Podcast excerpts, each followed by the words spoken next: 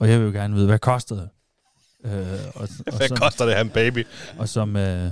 og jeg godt kunne farve nogen, ikke? At sige, at de der tal her, dem ville jeg godt have haft inden, at graviditeten fandt sted, ikke? Men Hvornår? Før fortrydelsespinden, Ja, eller efter, eller hvordan? Der skal lige...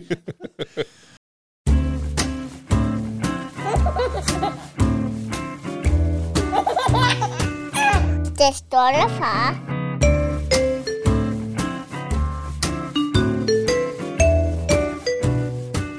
Hjertelig velkommen, og tak fordi jeg tog ned ind på Den Stolte Far. Mine damer og herrer, det er en speciel dag i dag. Det er ikke kun mig og præsidenten, formanden, nede øh, bag det røde gardin. Vi har en gæst med i dag, og han har været her før. Jeg tror, det er hans øh, fjerde optræden på Den Stolte Far. Så jeg synes, I skal øh, give ham en masse kærlighed. Mark Dyrnitz, tusind tak, fordi du vil komme igen. tak skal I have. Det er så dejligt at være tilbage igen. Fedt, mand. Jamen, det er skønt. Det er, det er virkelig skønt til de nye lyttere. Måske hvis der sidder nogen, der ikke har lyttet til Marks afsnit før, så, øh, så kan vi jo lige sige, at, øh, at Mark Dyrnes, han er 38 år gammel, og han er far til Claudia på tre år, og han er gift med Michelle. Så det var sådan lige så vidste de det. Og du går i mødergruppe med ham stadigvæk. Øh, nej, det gør vi sgu ikke. Det, vi ses bare privat i stedet for. Er I stoppet med det der mødergruppe? Jeg ved ikke, det, jeg ved ikke, det er noget, kvinderne de sådan øh, har, er tovholder på. Øh, mødergruppe, ja. Vi tager par rykker på, og så mødes vi. Ah, men det var sådan, vi lærte Mark at kende. Det var fordi, Det er rigtigt. forældregruppe. Lige sammen. præcis. Lige præcis. Forældregruppe, og, øh, og så er vi bare blevet rigtig gode venner. Øh, også parvis. Så øh, Hvordan går det, Mark? Ja, men jeg, vil, jeg havde egentlig lige behov for lige at supplere op på den der med mødergruppen og, og de ting, og det er, det er damerne styrer. Og den, så der vil jeg egentlig sige, at, at Niklas og jeg har gjort sådan. Vi har taget skeen i den anden hånd, og så vi simpelthen taget initiativet selv. Der har været på gange, hvor ja, vi har prøvet at se, "Nå, så kan vi herre, vi kan, vi kan stable noget på benene, og det har vi også haft gjort. Ja. Øh, og det er egentlig takket være, hvis I takket være den her mødergruppe, som jo egentlig ikke, vil jeg sige, var en, en mødergruppe. Det var jo kommunen, øh, det var jo Greve Kommune, der etablerede den her forældregruppe. Så det er jo egentlig derfor, jeg vil sige, at det var ikke en mødergruppe, det var egentlig en forældregruppe, fordi vi som, som, som fædre jo egentlig blev inviteret med, og var, var 100% en del af, af den gruppe øh, ligestillet med, med møderne, der var.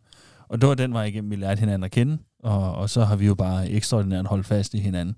ja, jamen, det har vi. Privat. Det, det var et super godt initiativ, de havde der, øh, kommunen i Greve. Og også, øh, vi var jo også det første hold, så vidt jeg lige husker, ja. hvor de prøvede sådan. Og, og jeg tror, man, man gjorde sådan, man kiggede på en mødergruppe og sagde, det her, det laver vi til en forældregruppe i stedet for, så I tager mændene med. Og så var der jo en masse tilbud, alt muligt øh, oplæg, som vi så var med til. Jeg kan, jeg kan jo tydeligt huske det, det kan vi godt fortælle lytterne. jeg jeg øh, var den eneste ryger på det hold, og jeg gik ud for at ryge en cigaret, og så kommer Mark ud for lige at stå og snakke, og så er det bare sådan, når man nærmest kalder det kærlighed ved første blik, ikke? Altså, så har vi bare snakket super godt sammen lige siden. Præcis, det er jeg glad for, at du husker. Fordi, Jamen, det kan jeg øh, tydeligt huske. Fordi det var egentlig et spørgsmål omkring, men jeg tillader mig lige at sige mand, selvom Magnus jeg nu ikke var, var med i den gruppe øh, første gang. Men altså, man kommer ind og, og sidder sådan lidt formelt til det her. Der er ikke nogen, der kender hinanden. Vi ved alle sammen, hvordan det er at starte i sådan et, øh, et arrangement, uanset hvordan det er. Ikke? Jeg tror lidt, vi opførte os som, ja, hvor vi nogen alle sammen, der skulle starte i terapi og i sådan en gruppe. Det virkede også lidt sådan, var det. og Fælles parterapi. fuldstændig, og vi skulle sidde sådan, ikke? Og, ja, altså, så tænkte, vi er jo nødt til at, vi er nødt til at bryde isen. Øh, og jeg, kan, jeg husker, at jeg sådan personligt havde ret... Øh, jeg havde store forventninger, men nu har jeg også hørt en, en masse om altså en referencer til andre grupper. Vi siger, at vi holder nytår sammen øh, hvert år, alle sammen, og det er så fantastisk. Og vi rejser til Mauritius sammen, og nu overdriver jeg måske lidt på noget af det. Så jeg tænkte egentlig, det, det er nu, vi skal etablere nogle relationer der. Og så tænker jeg, så jeg synes egentlig, at, øh, at der var noget, der fangede, øh, eller noget i Niklas, der fangede mig, så jeg, jeg render ud der, selvom jeg ikke lige selv har brug for den cigaret. Jeg render ud, og så lad os, lad os etablere den der relation, en kontakt, ellers så, så sker der jo ikke noget, så forbliver det jo lidt med den her facade på, og at man ikke rigtig får brudt isen til hinanden. Og det er, så det er jeg bare glad for, at vi, vi er nået at lære hinanden at kende her. Ja, for fanden. Ej, men jeg, jeg, jeg husker det tydeligt, øh, at vi sådan åbnede meget hurtigt op. Altså, jeg kan huske, vi står derude og snakker, Og vi netop, jeg, jeg, altså jeg tror bare, jeg med det samme åbner op, hvordan fødslen gik, og det var fucking hårdt, mand, og i og, og, og så gik det bare derfra, altså. Var det lige efter, I havde født? Jeg kan ikke øh, en måned efter, jeg kan sgu ikke huske, hvornår sådan noget går i gang. Og så er der en... Det var ret, det var ret tidsmæssigt ret tæt på, øh, så vidt jeg husker, Magnus. Men så var der netop en lille detalje, som egentlig gjorde det, at vi havde sådan en... Eller vi fandt ud af, at vi havde sådan en fælles reference. Og det var jo, at vi havde været på hospitalet på samme tid. Ja. Lige, øh, ikke lige... Øh, vi kom ikke ind på hospitalet samtidig, det, men, men vi fandt ud af, at der har været nogle overnatninger umiddelbart efter fødslen, hvor vi har, hvor vi har ligget ved siden af hinanden, altså værelse til værelse. Det var i hvert fald det, vi, vi fandt ud af. Så vi havde jo hurtigt noget at drøfte der i forhold til vores ja, forskellige oplevelser af forløbet der. Altså man kan sagtens sige, at vi har haft det pænt hårdt på samme tid. Men jeg skal lige forstå, kendte du, Mark, nogle, øh, nogle andre mennesker, før du blev far? Du, jeg synes, du sagde, at du kendte nogle andre, der havde relationer. Altså kendte du andre, der havde været i forældregruppe på den måde? Ja, altså man kan sige, i forhold til mine venskaber, eller nogle af dem, jeg havde en barndomsven, der andet havde øh, Øh, et barn i forvejen, og, og nu er det jo ikke nogen hemmelighed for, det, fra, fra dem, der har, kan huske noget i det tidlige afsnit, at det er, at, at vi, havde, vi havde svært ved at, at få Claudia, og var igennem det, alt det her facilitetsbehandling og alle de her ting, så, så sådan rent aldersmæssigt, så det er sådan det, jeg, jeg gerne vil bryde med og sige, hvad er normalen, hvad er ikke normalen. Nej, det er, man skal ikke følge nogen bestemt normal med, at inden for en eller anden vis alder skal vi, nå, har du ikke fået nogen børn endnu, og alle de her ting. Men hvis man tager det, så, så ja, i, det, i den kreds, så har jeg jo nok været en af de sidste. Øh, så så min, altså min pointe var bare, at, at jeg kendte flere i min omgangskreds, som havde fået børn allerede, og som Ja, okay. egentlig talte omkring øh, de relationer, som de havde opbygget med deres mødergrupper eller deres forældregrupper, den var igennem. Det var Ja, okay. bare det, jeg mente. Ja, jeg kunne jo godt blive lidt, altså jeg har ikke aldrig hørt om andre, nu er det også altså, begrænset, hvor mange mennesker jeg kender, men jeg har ikke hørt om andre, der har været en forældregruppe, altså hvor det ikke bare har været en mødergruppe, ligesom min kone var jo bare en, en almindelig mødergruppe, hvor vi mænd ikke var involveret, øhm, og jeg kunne da godt blive en lille smule, øh, altså jeg ved, ikke, man kan kalde det jaloux, men altså, øh, det er da meget cool, at, øh, at møde nogle andre, der ligesom øh, står på samme grund, ikke? Ja, og det, det kan jeg godt forstå. Jeg kan godt forstå, at, øh, at du har det sådan. Og det, øh, så jeg synes, altså, jeg synes, det var et rigtig godt initiativ, øh, gjort af, af den her øh, jordmor, som, som jo drev forløbet, var, var facilitator øh, af hele det her forløb. Der var det også selvfølgelig også kommunen. Og jeg kan forstå, at man har foretaget endnu flere tiltag på det her, således at det, det hedder en regulær forældregruppe i dag, og man har egentlig gjort flere ting. Øh, fordi vi, vi fik jo netop at vide, som, øh, som Niklas også siger, vi, vi var sådan den der prototype. Ja. Det var sådan et eksperiment, man kørte for at se, hvordan det forløb. Så øh, First movers. Ja, det må man sige. Men altså alligevel, så øh, Mille, hun, øh, min kone, hun er jo kun i en mødergruppe nu. Og jeg ved ikke, om det er fordi, det er anden gang, eller hvordan der var ledes. Ja, hun har ikke på noget tidspunkt nævnt, at det har været en forældregruppe. Det har været en mødergruppe. der Hun er jo så en mødergruppe, en ny en, ikke? med Elliot. Ja, der har ikke været noget tilbud om, at du var med med nu. Nej, jeg måtte sgu ikke lege. Det var satans, det Ja. blevet sparetider i Greve Kommune. Det gør Nu ikke sidder vi noget. her og giver shout-out og alt muligt. Ja, ja jamen, jeg, altså, jeg ved det ikke. Jeg skal ikke kunne sige, hvordan det hele det, øhm, altså, det hænger sammen der, men, men det har der bare ikke lige været her. Det er selvfølgelig Der har ikke fået tilbuddet. helt umuligt, at der er forskel på... Første og anden gang. Ja, Nej, det det er- er, der er sådan noget. Der er sådan noget med forældre for første gang. Det er en, det, det var det, det hed jo. gruppe, ja. Forældre for Nå ja. første gang, og Ja. så er det jo en anden situation, når det er mere end en. Man sætter heller ikke øh, forældre for første gang sammen med, med dem, der skal være forældre for, for anden og tredje gang. Og det er sådan noget. Det er det, der, der skældner imellem det. Men jeg troede umiddelbart, at man også havde gjort det for barn nummer to. Eller barn Altså et nummer eller andet sted, Det har man så ikke. hvorfor skulle man ikke gøre det? Altså, det er jo bare uh, mor plu- plus one. Altså, det er jo ikke så svært, kan man sige. Men jeg ved sgu ikke, hvorfor de ikke har gjort det. Men altså, personligt set, så er jeg sgu egentlig meget glad for, at de, de ikke har gjort det. Fordi jeg er jo ikke den type. Altså, det kan jeg jo helt, være helt ærlig at sige. Det har jeg jo også sagt. Jeg er jo pisseglad for, at jeg har fået en skide god kammerat i dig, Mark. Men, men generelt, så er jeg jo ikke typen, der gider sådan noget. Altså, det var sådan, jeg kan huske netop dengang, at Jeg var sådan lidt, hvorfor skal vi det? Hvorfor skal jeg med? Kan Du var det- kun kan med, det fordi du blev tvunget, eller? Ja, jeg ved ikke, hun tvinger mig ikke til noget, men man kan jo godt mærke temperaturen lidt, ikke? Og sige, "Ah, det er nok meget god idé at tage med her, ikke? øhm, og det er jeg også glad for. Jeg føler ikke, jeg fik så meget ud af det, fordi det var sådan meget i starten, så blev det hele bare, altså der blev kigget på ens, de andre babyer, og der blev målt og vejet, og, og, og øh, Nå, hvordan gør de det? Hvordan klarer han det? Og alle de der ting der, ikke? Og det er jo fuldstændig ligegyldigt, ikke?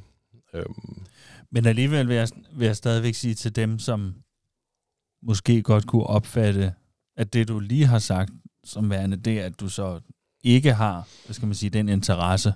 For der vil jeg godt ligesom med det samme lige afmontere det, fordi jeg har faktisk oplevet dig være meget engageret i hele øh, Eddies øh, forløb fra, og, og, og det husker jeg også fra de sessioner, at du har, har været spørgende til mange ting, og været, altså været generelt nysgerrig på de ting, og gerne vil, vil føle sådan aktivt med i forhold til, hvad ja, barnet, barnets generelle opvækst og Mhm. alle de her ting. Det vil jeg bare lige indskyde her. Jamen, altså, det var jo selvfølgelig heller ikke, fordi jeg ikke fik noget ud af det. Men så, altså, man kan også sige, når man, når man først er gået ind i det, så kan man lige så godt være opsøgende, eller, altså, det er jo ikke, jeg gider ikke sidde ved ham, der bare sidder og ikke tør kigge nogen i øjnene. Det får man jo ikke en skid ud af. Men altså, så, så generelt er jeg jo ikke typen. Jeg tror, du er en lidt, du er en lidt anden type. Altså, du var jo, ja, du så frem til det her, ikke? Og, og, og må, var, er måske lidt den der, der godt vil move på, at faren kommer lidt mere ind i de her grupper og spille. Og, og du var, det var også dig, det nævnte du også lige før, der ligesom tog teten på at skulle mødes, da vi alle fædrene havde barsel, ikke? Og det mm. gjorde vi, jeg tror, jeg var med to gange, eller sådan noget, ikke? Ja, Jeg mindes jeg også var dig, der ligesom tog den. jamen det er rigtigt. Det blev, ja, jeg tror, det blev ved de øh, to gange. Men okay, det er jo også, altså det er måske også lidt sværere, fordi vi har en kortere barsel, det har vi selvfølgelig ikke nu, men det havde vi, en noget kortere barsel end, øhm, end mødrene. Ja, det, det er rigtigt. Så det er jo et eller andet sted begrænset på, hvad man kan nå at etablere på de hvad, tre måneder, man, øh, eller to måneder, jeg Ja. kan ikke huske, hvor lang tid det var. Ja, men det, det er rigtigt. Det er rigtigt. Men vi havde jo, og vi havde så, kan jeg jo så lige supplere op til dig, Magnus, omkring, altså vi har jo haft, der, der var jo blandt andet en af de her sessioner, som jo, ja, typisk nok mig vil egentlig sige, var, som jeg så meget frem til, det var en af de her seancer, som skulle handle om økonomi. Og jeg vil jo gerne vide, hvad kostede det? Øh, og, og, Hvad som, koster det at en baby? og som, øh, Ja. og jeg godt kunne farve nogen, ikke? At sige, at de der tal her, dem ville jeg godt have haft inden, at graviditeten fandt sted, ikke? Men, Hvornår? Før fortrydelsespindelen, Ja, eller efter, eller hvordan? Der skal lige... og, og jeg havde jo, jeg sad jo nærmest der med laptopen klar og excel og jeg havde jo forventet at få automatisk at få tilsendt nogle skabeloner, og hvordan man kunne føre det hele ind. Og det var slet ikke sådan en seance, det blev. Det var, det var så en, en, en bankrådgiver, øh, som jordmoren kendte, og, det, og hun havde lidt for travlt, og, og skulle egentlig videre ud af døren. Og Så det blev, altså den seance, det blev ikke lige sådan, som jeg havde håbet på i, i, i de ting, men det var blandt andet nogle af de ting, som der var blevet lagt op til, at vi skulle tale omkring. Så var der også noget omkring førstehjælp til, til spædbørn, og sådan nogle ting, som var meget givetigt, Ja. og, og alle de her. Så jeg, så jeg tager nogle forskellige ting med mig. Der er også nogle ting, jeg nok, ja, ikke erindrer, hvordan det var. Jeg ved, vi talte meget omkring.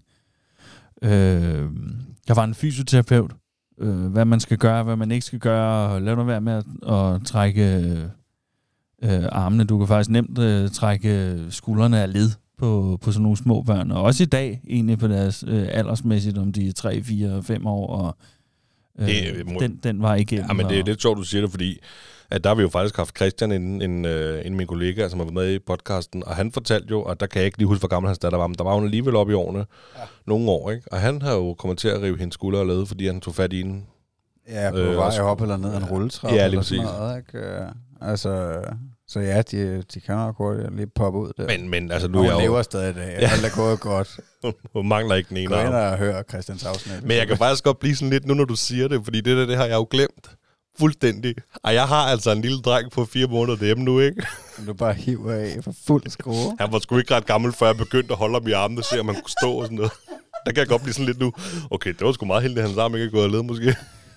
Ja, men, jeg, ja, ja, men, men det, altså, det er jo sådan nogle enkeltstående ting, altså, jeg, ja. jeg husker af, af de ting, ikke? Og jeg, jeg, jeg prøver sådan at sige det til mig selv, ikke? Når, når nu det er, jeg kan nemlig huske, det, var det, eksempel, som, som fysioterapeuten brugte på det tidspunkt, det var, jo, de, de, de vil gerne selv prøve at tage sko på, og det skal de, og en del af indlæring og alt det der, de skal det hele taget selv eksperimentere med det der, det er et helt andet emne. Øh, og det er travlt om morgenen, ikke? og vi skal ud af døren, øh, hvilket er, er jamen, alle mine hverdagsmorgener er, det er, øh, kom nu, og, og som regel, at som regel kan klare, jeg udmærket godt fornemme, når jeg har travlt, fordi så trækker hun i modsat retning. Ikke? Det er sådan en modsat magnet effekt, så, så kommer Rasmus modsat i hende og, og vil ikke. Og så ved jeg jo, når, der er den, når hun sidder og skal bruge så lang tid på at tage sko på, så var det der fysioterapeuten sagde, så er det, du ikke bare tager hende i armene, og så bare trækker hende op. Mm. nu, fordi så ryger øh, skuldrene af led. Men hvordan, øh, nu kan vi lige springe til det der, fordi at det, det tror jeg, vi er rigtig mange, der kender. Udover dig, Magnus, fordi du er sgu så øh, blæst, at du er sgu taget øh, på arbejde lang tid før din søn vågner nærmest, ikke? Jo, øhm, ja. Så du kender måske ikke helt til de her morgener, men jeg gør i hvert fald, det er der mange andre, der gør. Hvordan håndterer du de der situationer, når, de, når du har pisse travlt om morgenen, og hun egentlig selv burde tage sko på?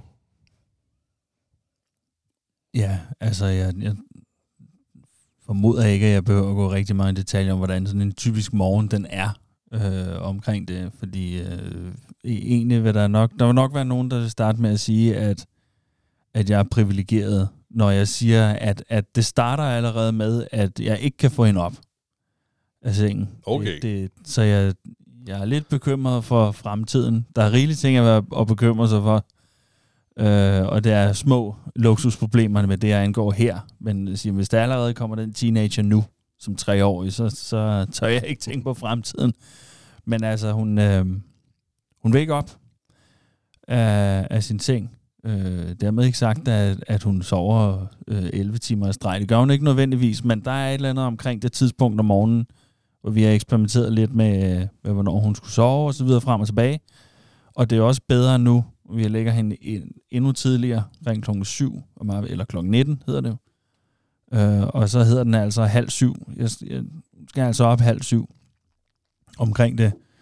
Og det vil hun ikke. Og jeg starter stille og roligt med at, at lave noget, noget larm og, og lys. Og så har jeg taget et tiltag mere. Det er med et glimt i øjet her, øh, i lokalet her, hvor vi sidder nu, øh, at, at, at så trækker gardinerne fra, hvis hun stadig ligger og sover, og så åbner jeg vinduet.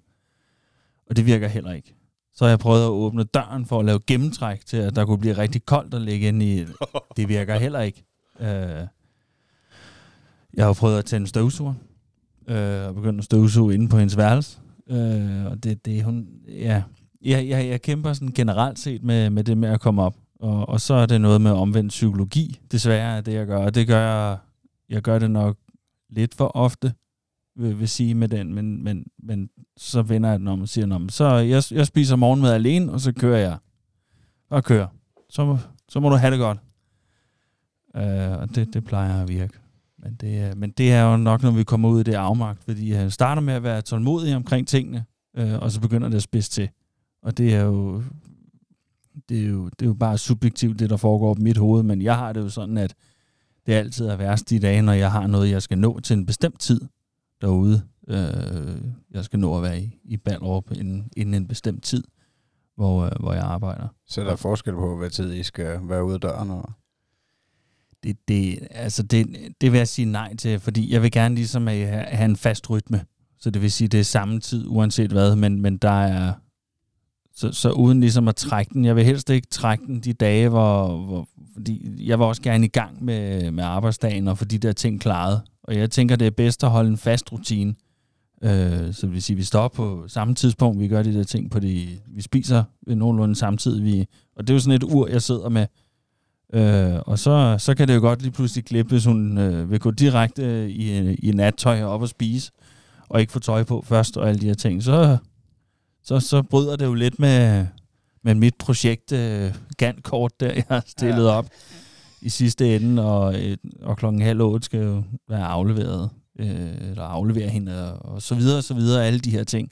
Og det kan godt være lidt svært. Så så dagen ligesom i gang, ikke? Og så kommer jeg ud der til bilen ude på parkeringspladsen, og så skal jeg på arbejde. Så, okay, så, så kan vi slappe af. Øh, indtil vi møder ind på arbejdet. Ikke? Det var sådan den hårde tørn. Det var at få det der til at lykkes. Det var at få hende i børnehave. Men så I skal også I skal være ude øh, kvart over syv, eller hvad hvis du siger, at hun skal være dernede halv otte? Eller? Jamen nu er det sådan stort set lige ved siden af. Så. Okay. så, så det, der i realiteten kommer til at ske, det er, at vi kører halv otte, og, og nogle okay. Gange også 20 minutter i otte, ikke? og så er det, det, det spidser til. Ja, og, det kan også godt, altså, så, så lyder det da også lidt presset, hvis, hvis hun ikke er stået op halv syv. Det kan jeg da godt følge dig i, altså, fordi nu, som sagt, som Ritter sagde før, jeg er jo ikke øh, til stede de fleste morgener, men jeg har jo prøvet det. Altså, øh, og jeg har jo også været privilegeret, tror jeg, eller både min søn og jeg og min kone, at, øh, at min kone, hun har studeret i, ja, i hvert fald det sidste år, og der har hun ikke øh, skulle møde dødes tidligt, du ved, og hun har også haft mulighed for at komme lidt for sent og noget, så hun har, altså, jeg tror min søn, han, han, han får i hvert fald et længere gap om morgenen end det der til at vågne, og, og han får nok også som regel selv lov til at vågne. Jeg har dog hørt hende tale om, at, øh, at hun også skal vække ham, ikke? og være efter ham, især nogle gange, hvis det er trukket ud om aftenen, ikke? Øh, Altså, jeg skulle have den af, for at du står der med, med den, det, fordi det gjorde du også sidst, det du gjort igennem hele forløbet, der har du taget morgenerne. Jamen, det er rigtigt. Det er rigtigt. Det, er- det, Det er er godt sgu husket. gangster nok. Ja, det er, og det vi så skal huske på i det, hvis vi lige skal bringe det perspektiv omkring forhold, altså parforholdet ind i det, så, så er det bare vigtigt ikke at, synes jeg, øh, at, at vi går sådan og påpeger eller pedestaliserer hinanden og siger, ja. nu har jeg jo også morgenchancen, så, så nu må det jo være dig, der, der sørger for, for det andet om eftermiddagen, om aftenen, eller hvad det nu kan være. Og, og hvem, hvem er det, der har den hårdeste øh, tørn og alle de der ting, ikke? Altså det er, det er durk, øh, altså det er vejen mod helvede. Mm. Øh, og jeg siger det også, fordi øh, jeg siger det også, fordi jeg selv har været med til at være der.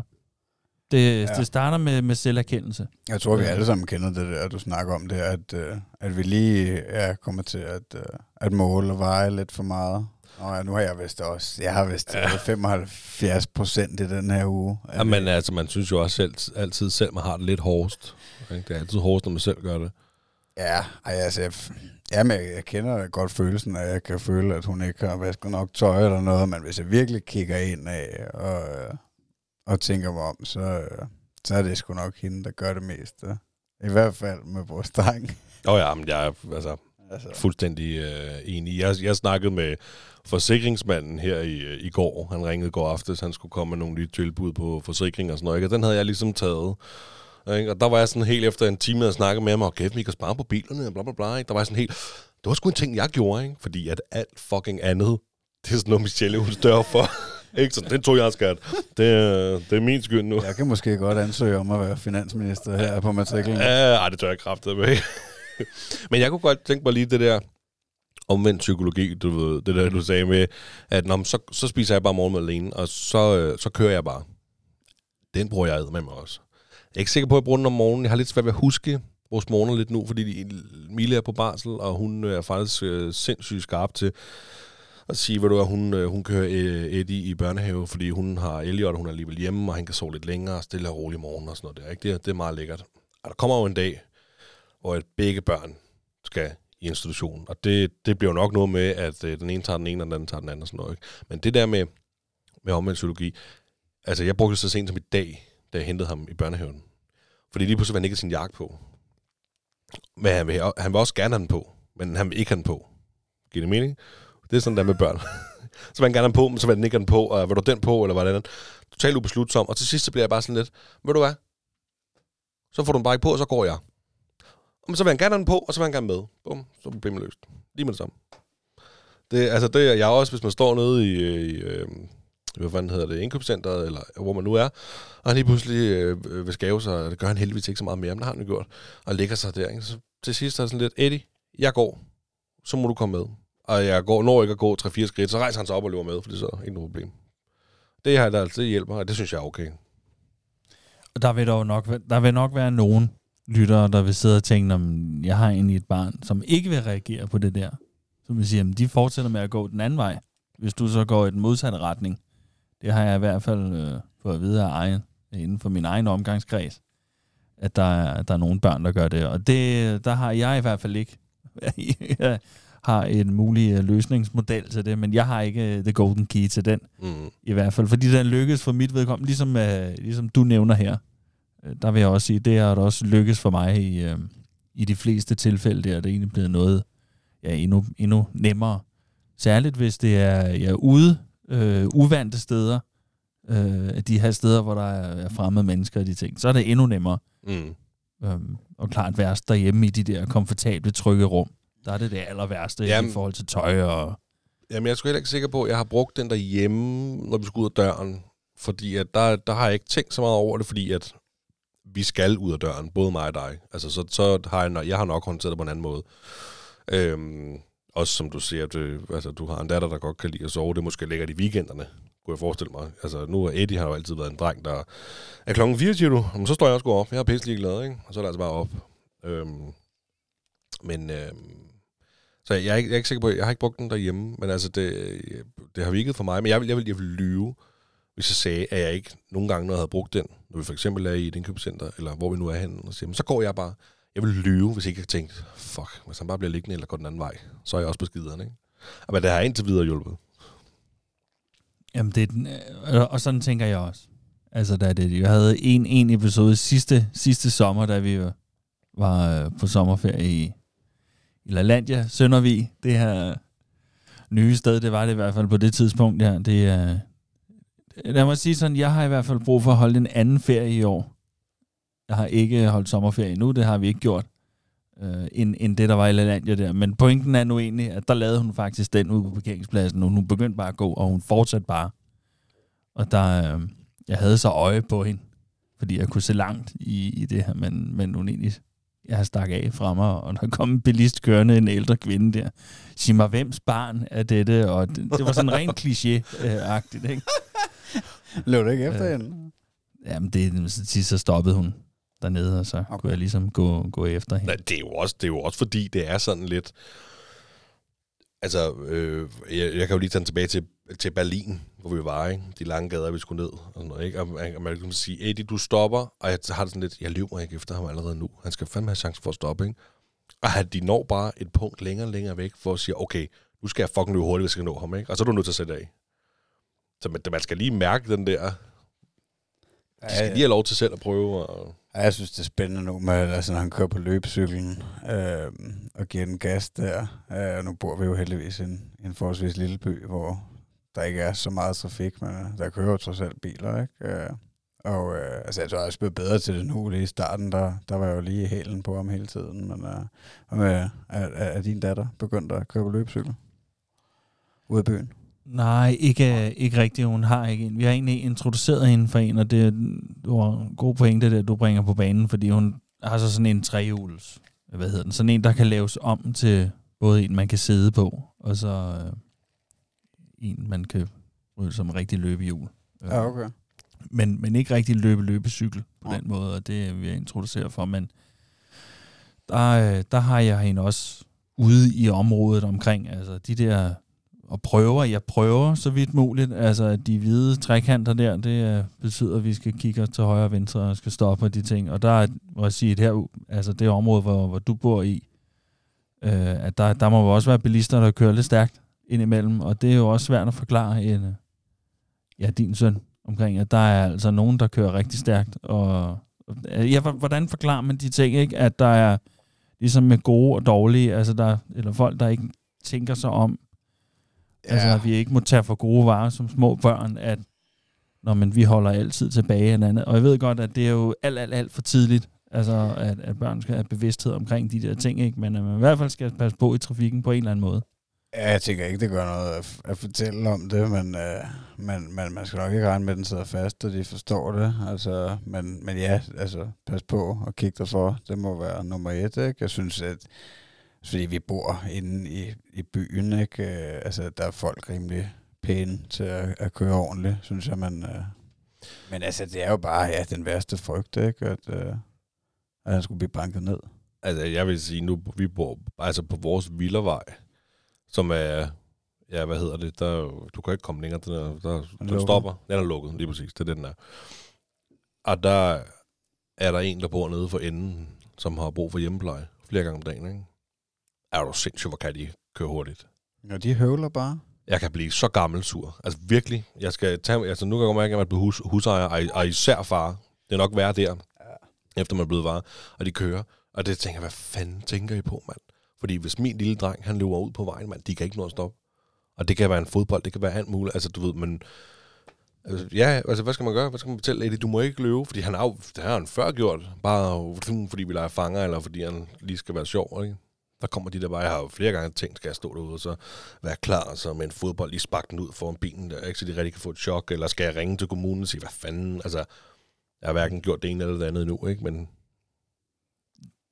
ja, jeg, jeg, jeg har det præcis på samme måde som dig i det, og jeg har egentlig også prøvet sådan lige at reflektere over, sådan, hvad, hvad er det for nogle tanker, der ryger igennem mig. Sådan. Jeg har også sådan nogle skræmme. En ting er, at jeg tror, tror jeg lyder som mine egne forældre. Altså det med at have forestillet sig, hvad der, hvad der ville ske, og sådan noget, de ting. Men oh yeah. jeg, jeg ved ikke, hvad der, er, der, får, hvad der sker oven i hovedet på mig nogle gange, men, men, men jeg ryger sådan længere ud i det, og så forestiller jeg mig, hvad jeg så gør bagefter. Også i, i det. Og jeg ved ikke, jeg har sådan et eller andet, øh, jeg ved ikke, sådan noget rage øh, inden i mig. Der, altså jeg ved ikke, jeg, jeg, jeg synes faktisk egentlig, altså det skal mene positivt ment, men jeg er på en eller anden måde blevet mere aggressiv i trafikken, efter altså sådan regelrytter, mæssigt, efter jeg er blevet far i det. Altså når jeg ser en cyklist, der ikke holder tilbage for, for ubetinget vigepligt og sådan noget, særligt hvis det er en cyklist, der faktisk cykler med et lille barn ved siden af, øh, ja. så, så kan jeg tage en fuldstændig af. altså det, det gør jeg nu, og det ville jeg aldrig have gjort før. Øh, og det er egentlig ikke, fordi jeg skal gå rundt sådan og lege øh, Vlado, øh, politimand i, øh, i de ting slet ikke, men det, det er særligt i egen omegn derhjemme på vejene og de ting.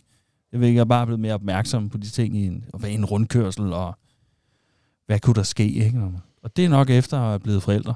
Jamen altså, jeg, jeg synes, det er lidt sjovt, ikke? for jeg selv vokset op på præcis samme vej. Ikke den vej, hvor jeg bor, men type vej.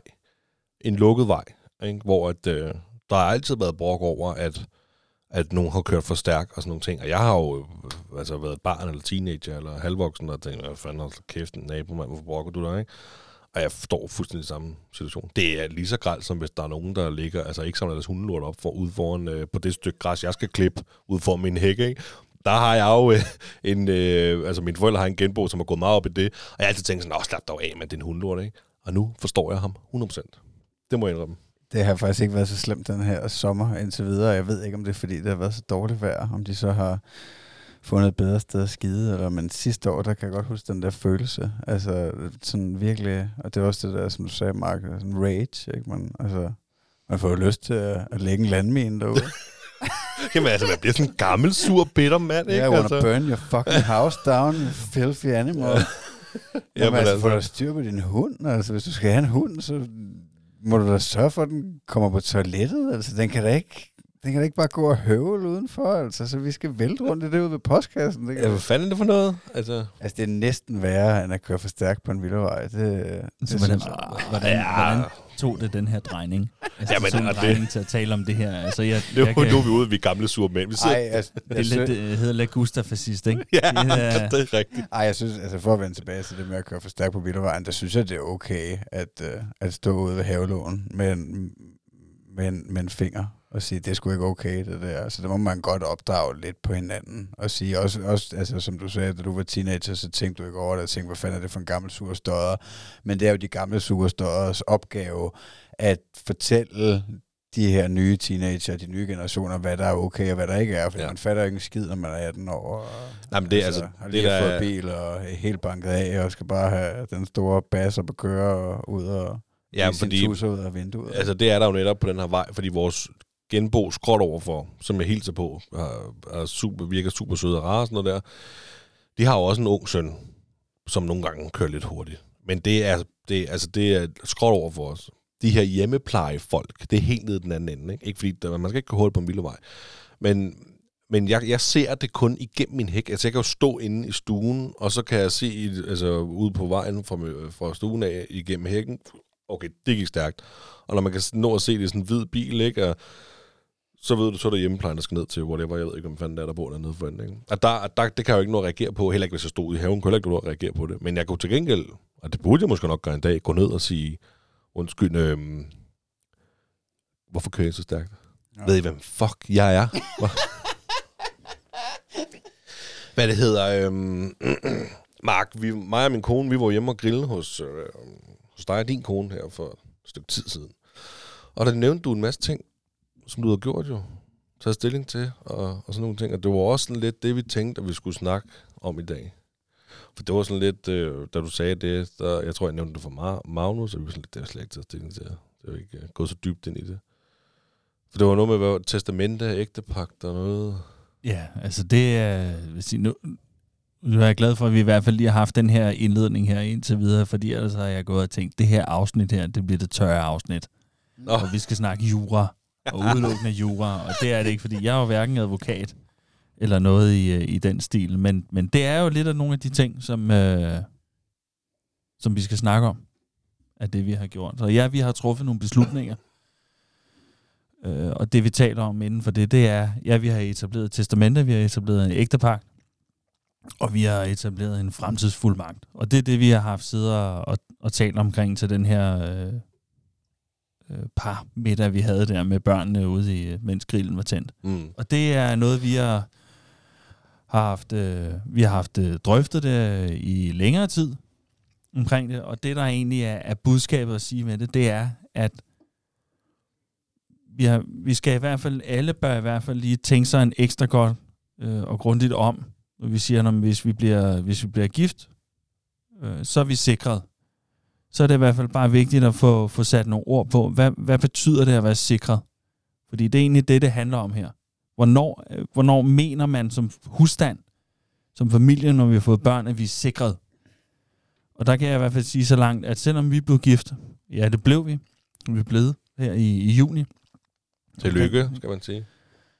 Ja, tak. Ja, tak. Det, er, det har været undervejs længe og haft, haft talt om de ting. Og det er jo netop også for at få, få juraen på plads i de ting. Men vi kunne jo se, at vi er jo ikke sikret.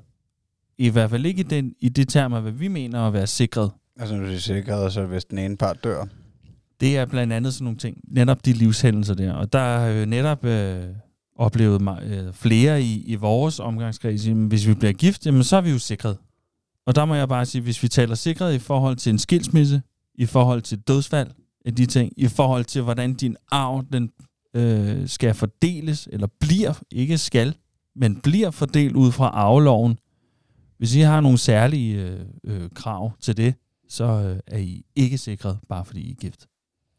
Nej, så skal man gå til en advokat og få lavet et stykke papir på, hvem der skal have hvad af ens jordiske gods. Ja. Men, øh, men de der ting som pension og hele økonomien og de der ting, de tilfalder automatisk ægtefælden, ikke? Hvis man ikke har lavet noget testamente.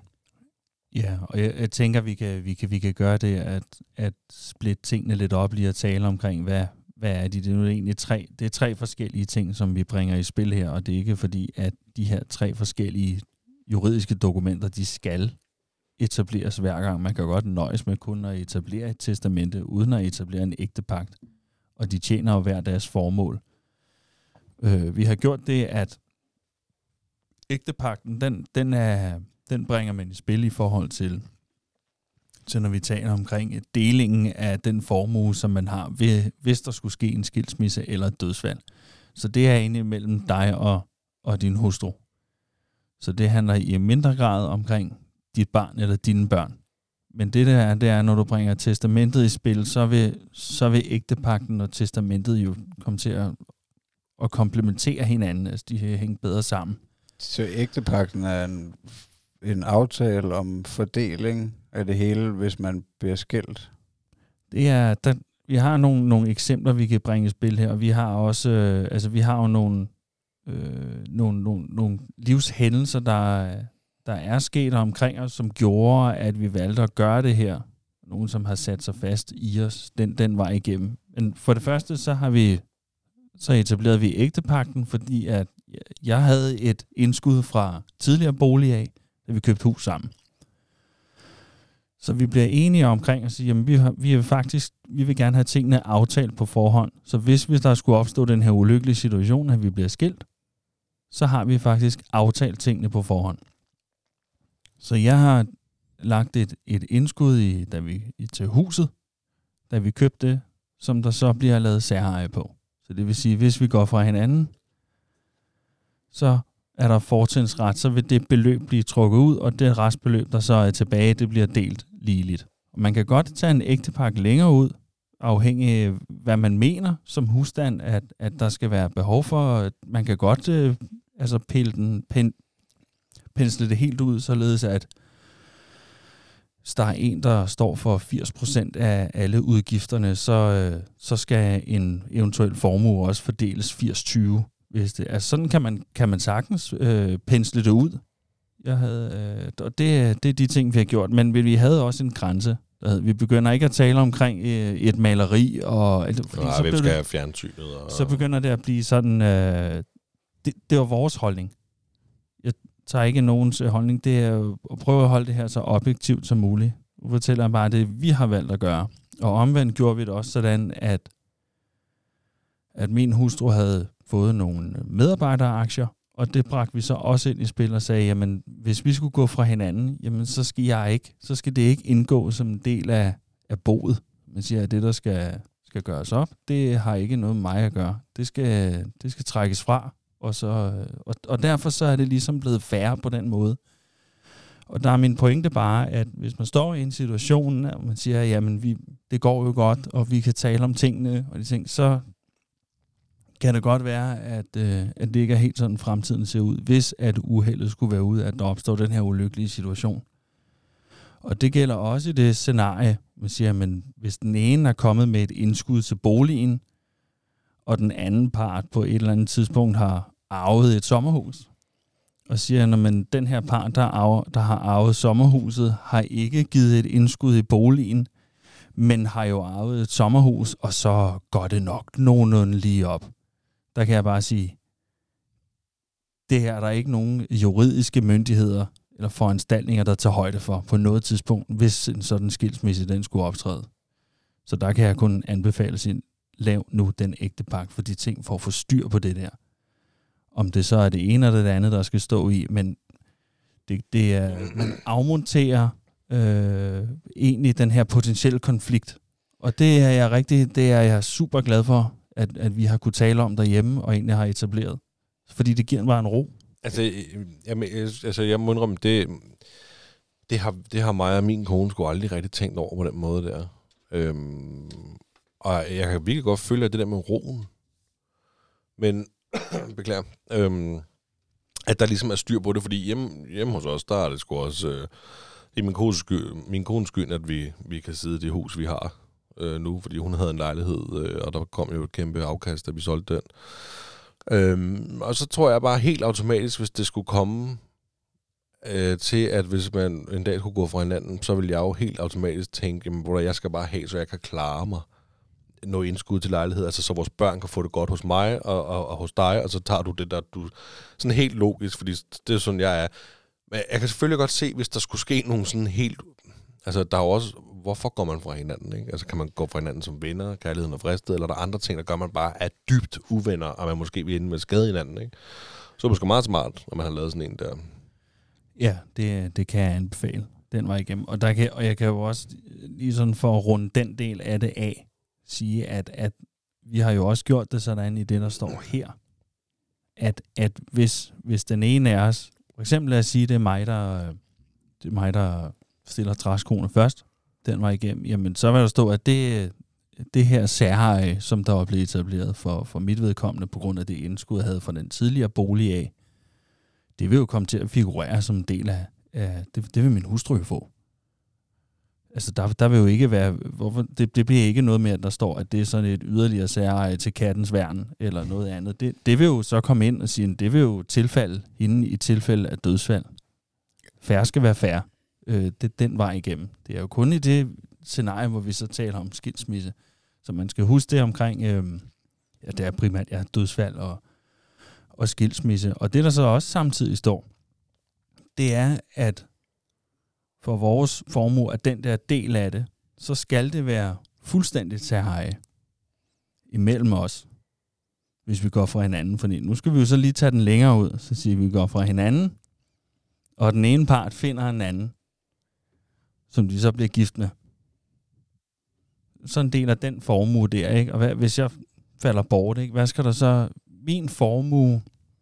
Altså, hvis, hvis, Du du, Ja. sikrer, at det er din... Hvis du går... hvis jeg er blevet skilt. Ja.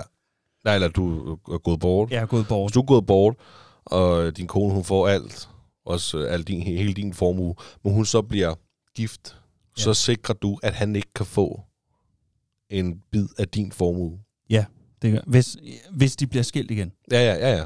Okay. Øh, og det er, der er vi jo ude i nogle, nogle scenarier, hvor, nu skal jeg ikke, jeg, Kæft, der er du ingen, er vild, Mark. Ja, det, og det er ikke for at, og det er jo ikke for at styre, altså for at prøve, altså den, den vej igennem. Øh, vi kan jo se, der er jo, der er jo de her afsnit, vi har jo set noget i fjernsynet, ikke? vi har jo set arven, der splitter os ad, og, det er ikke fordi, det alting skal handle om penge, men penge, det ødelægger bare, kan bare ja. ødelægge rigtig mange ting. Så vi kan lige så godt være på forkant, mens, mens at vi kan tale om tingene, fordi kommunikation og det at kunne tale om tingene, det er ekstremt vigtigt.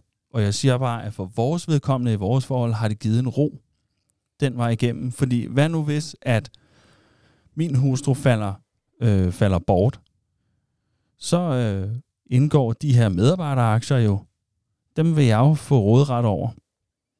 Det bliver så mindre. Så forestil dig scenariet omkring, hun falder bort, dem får jeg. Jeg bliver gift med hinanden. Vi bliver skilt. Og måske lige inden, at vi bliver gift, så bliver jeg faktisk dement.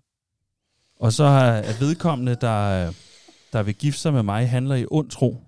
Og får mig til at underskrive øh, Ja. en, en, øh, et ægteskab med vedkommende, således at vedkommende kan få fat i de her medarbejderaktier. Jeg siger ikke, at, at det- det vil være sådan, de, og det er yder, nogle yderste tilfælde, vi er ude i.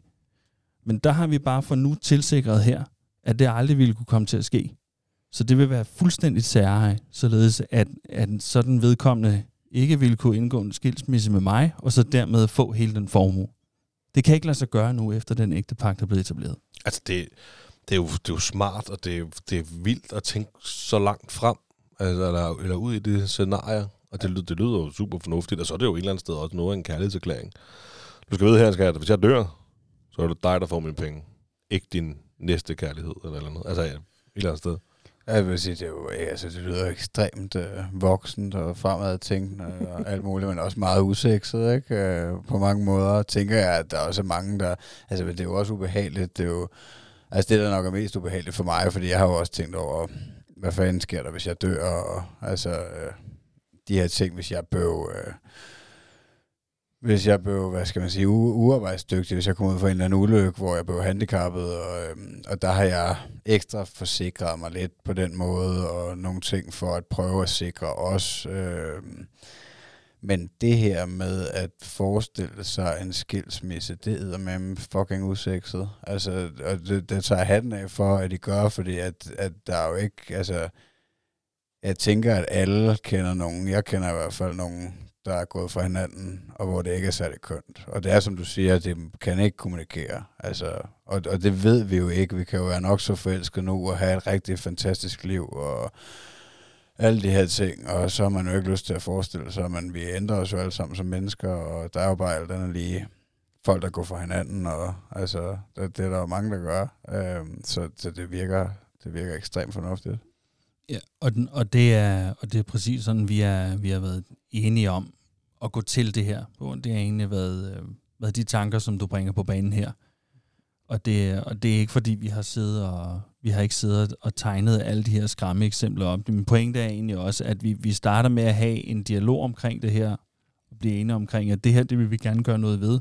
Og så er det egentlig under dialogen med advokaten. Altså, den, der har advokaten været fuldstændig fantastisk her til faktisk at bringe de her eksempler op. Og jeg kan også godt senere i, i testamentet sige, at der er også nogle ting, vi havde truffet nogle valg om. Man svarer på sådan et spørgeskema omkring, hvordan man gerne vil have det, og så bagefter har man det her møde. Man har det bare virtuelt. Vi havde bare et virtuelt møde. Og så var advokaten også inde og holde sig kritisk til det og sige, I skal bare være klar over, hvis I går videre med det der, så sker der det her. Altså, kan der risikere at ske det her? Eller hvad man nu i- forestiller nu den her situation at være? Så, så, så det er lige så meget været advokaten, der har bragt de her livshændelser, de her mulige scenarier i spil. Øh, og når alt kommer til alt her, så ved jeg godt, at ægtepakten her har talt omkring deling af vores formue, det vil sige vores forhold. Men vi skal huske jo børnene i det her. Forestil jer det der scenarie, vi lige sidst talte omkring. Men skilsmisse, eller dødsfald. Bare dødsfald af en af os, og den næste, der etablerer et ægteskab igen. Kan I forestille jer, hvilket, hvilke gnidninger det kunne opstå mellem jeres børn?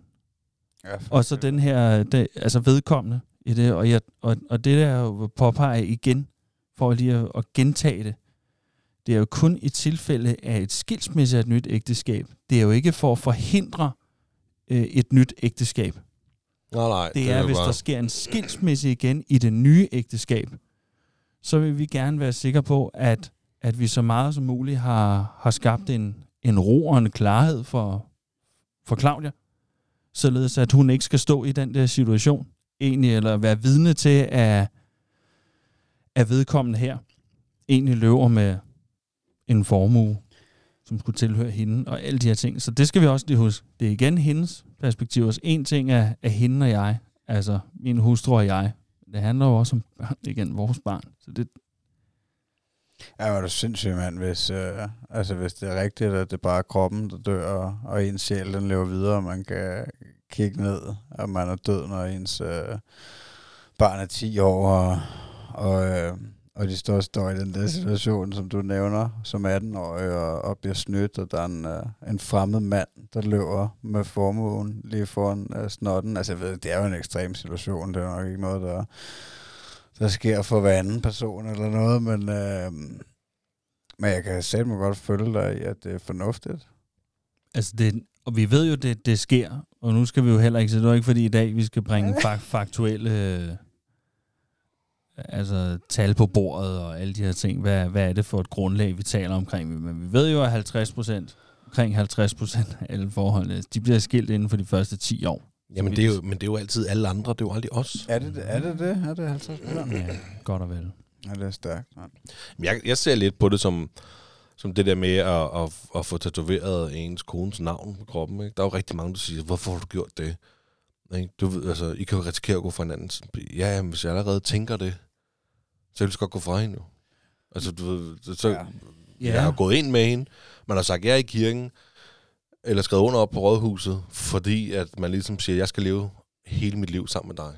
Så kan det godt være statistisk set, at, øhm, at 50 procent går fra hinanden. Så ja, jamen, altså, man går ind i det her, for jeg vil leve resten af mit liv sammen med dig. Hvorfor kan jeg så ikke gøre de her ting her? Fordi det ikke kun er skilsmissen, det handler om. Nej, nej, Der altså, står- for dit Der står, døds også, der altså. står også i ægtepakten, at hvis jeg falder bort, Mm. så skal du have alt, skat.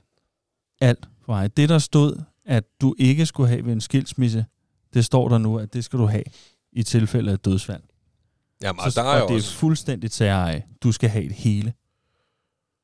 jamen, og det, og det giver også totalt meget mening. Men altså, det giver jo også mening at, at sige til lytterne derude, at øh, der måske ikke har tænkt over det her som forældre øh, og ægtefæller. Altså, man kan jo gå ind til det her med det formål, at man godt vil sikre sig i forhold til dødsfald og til hvis man bliver invalid, og hvad har vi? Og så kan man jo sige, at det her skilsmissescenarie, det er jo en accessory, at man kan, øh, altså man kan lave det, når man alligevel er henne hos advokaten. Har jeg ikke ret i det? At, at det kan være fornuftigt at gå til advokaten for at få styr på alle de andre ting, der ikke har noget med skilsmisse at gøre. Altså, Jo, som, som testamentet. Altså nu, som det. Der er mange, der taler om, eller tænker på testamentet i det, og derfor havde jeg bare behov for at bringe ægtepakten i spil også. Fordi den kan, den er, mener jeg, komplementerende godt for testamentet. Og så vil jeg også lige indskyde en bemærkning omkring, at vi har også lavet en fremtidsfuldmagt. Så fremtids, fremtidsfuldmagten, det er sådan et, et lille dokument, som egentlig er, er et, et sådan lidt et appendix, kan man sige, til testamentet og, og ægtepakten. Men der står der jo samtidig med her, at i fremtidsfuldmagten, der, der har vi jo skrevet under på, at vi giver hinanden fuld råderet over al økonomi. Og der tænker jeg, nu skal vi, det er jo alt det grimme, vi skal tale omkring. Det er jo den kritiske sygdom. At den ene øh, bliver invalideret, eller får Alzheimers, eller bliver dement den vej igennem. Og der har vi altså også taget den der hårde beslutning, sang, skal du du skal have fuld råderet over hele min formue, alt i det her tilfælde. Så får det til at lyde som om, du er pisserig.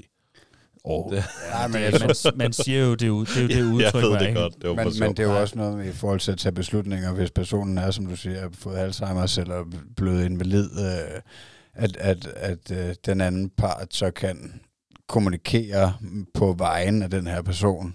Altså, Præcis. Det, og det er lige præcis det, at en fremtidsfuldmagt den gør. Og det er jo derfor, jeg, at, at når nu vi har talt om det, som kunne opfattes negativt ved ægtepakten, igen, ikke kun, vi skal ikke kun hænge os i skilsmissen, vi skal også hænge os i ved sygdom her og ved dødsfald. Altså den, det, kun, øh, det livsscenarie, der kan ske der, der synes vi jo, at fremtidsfuldmagten er, er fantastisk, fordi der giver vi jo netop øh, partneren fuld økonomisk råderet over tingene. Og man svarer også på et spørgsmål, der hedder, om vi vil acceptere øh, øh, GPS-tracker på den, på den anden person, og vi sad og vi kiggede på hinanden, hvad, hvad, hvad er det, I spørger om? Ja, men det er jo hvis... Fuldstændig siger jeg, men øh, det er for at tilsikre, hvis det er dig, Mark, der risikerer, at øh, vi finder dig ude, øh, gående ude langs motorvejen og det der, så har Michelle øh, ret til at sige, du skal have monteret en GPS-tracker der. Det har vi siddet og vi har siddet og kigget en anden dybt i øjnene og sagt ja. Ja, ting. og, og hvis man ikke har, altså hvis man ikke har taget stilling til de her ting, og, og, og man kommer ud for en ulykke, eller man ja, lige pludselig får Alzheimer, så ikke aner, hvad fanden man laver, så er man vel meget mere i hænderne på det offentlige på en eller anden måde, ikke? Eller hvad? Altså, Jo, og så er der øh, en den, den ting, som faktisk fyldte allermest hos, hos, hos min hustru, og det var, hvis du falder bort, så kan jeg ikke sidde i det her uskiftede bo. Så bliver alle konti lukket, alt bliver låst, og du vil faktisk ikke være i stand til at kunne gøre noget som... Og det kan du heller ikke, hvis du bare er blevet gift. man får ikke automatisk dine penge, eller hvad vil jeg sige? Nej, alt bliver låst ved skifteretten, i det, hvis det sker. Det vil ske for din hustru, hvis det er dig, der, der falder bort.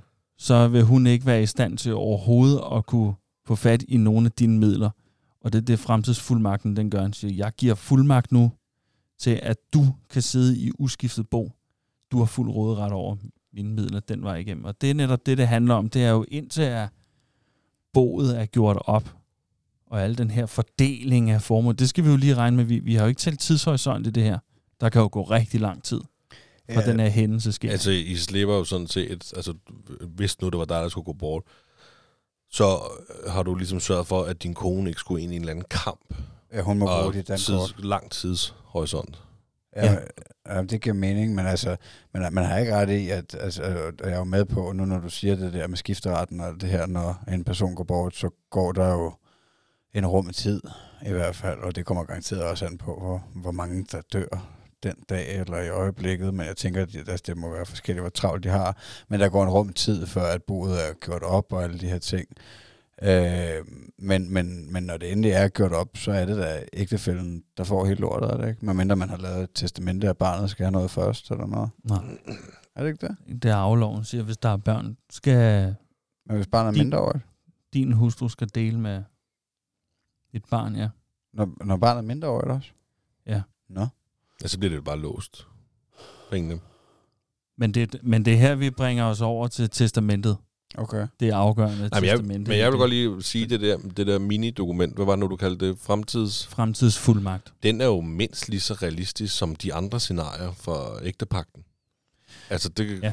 Og, og, og, ja. Det er den, jeg tror lige mine forældre har lavet det der, du siger, fremtidsfuldmagt, fordi at det var nemlig et eller andet med, at de var i hvert fald til advokaten, altså jeg ved også, de har lavet testamenter og sådan noget før, men, men, men de var inde, og det var nemlig noget det, de snakkede om, hvis nu de bliver loco, ikke? hvis de begge to, de, øh, de er helt øh, cracket ned og slet ikke fatter noget, så, øh, så får jeg fuldmagten, tror jeg, til Det- at, øh, at, at styre det hele for dem. Ikke? Det er Og- fremtidsfuldmagten, og ja. se, at de bare kan tage Det- dem på den lukkede, og så får jeg den korten. Jeg tror, der til gengæld der er nogle restriktioner med. Altså sådan, jeg tror ikke bare, man må, jeg må ikke bare misbruge deres penge og Nej. sætte dem på et eller andet hjem, og så tage til Maldiverne. Der er nemlig noget med, øh, der er noget med gaver.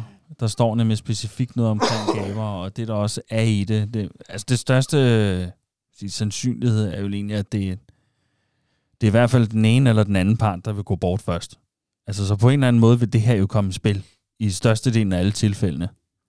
Er i sjældne tilfælde er, at, at vi har den her, hvor det er hele husstanden, der afgår ved døden i en, i en bilulykke og så videre. Altså, det, og allerhyppigst vil være scenariet omkring det, at det er den ene af ægtefælderne, der vil gå bort først. Ja.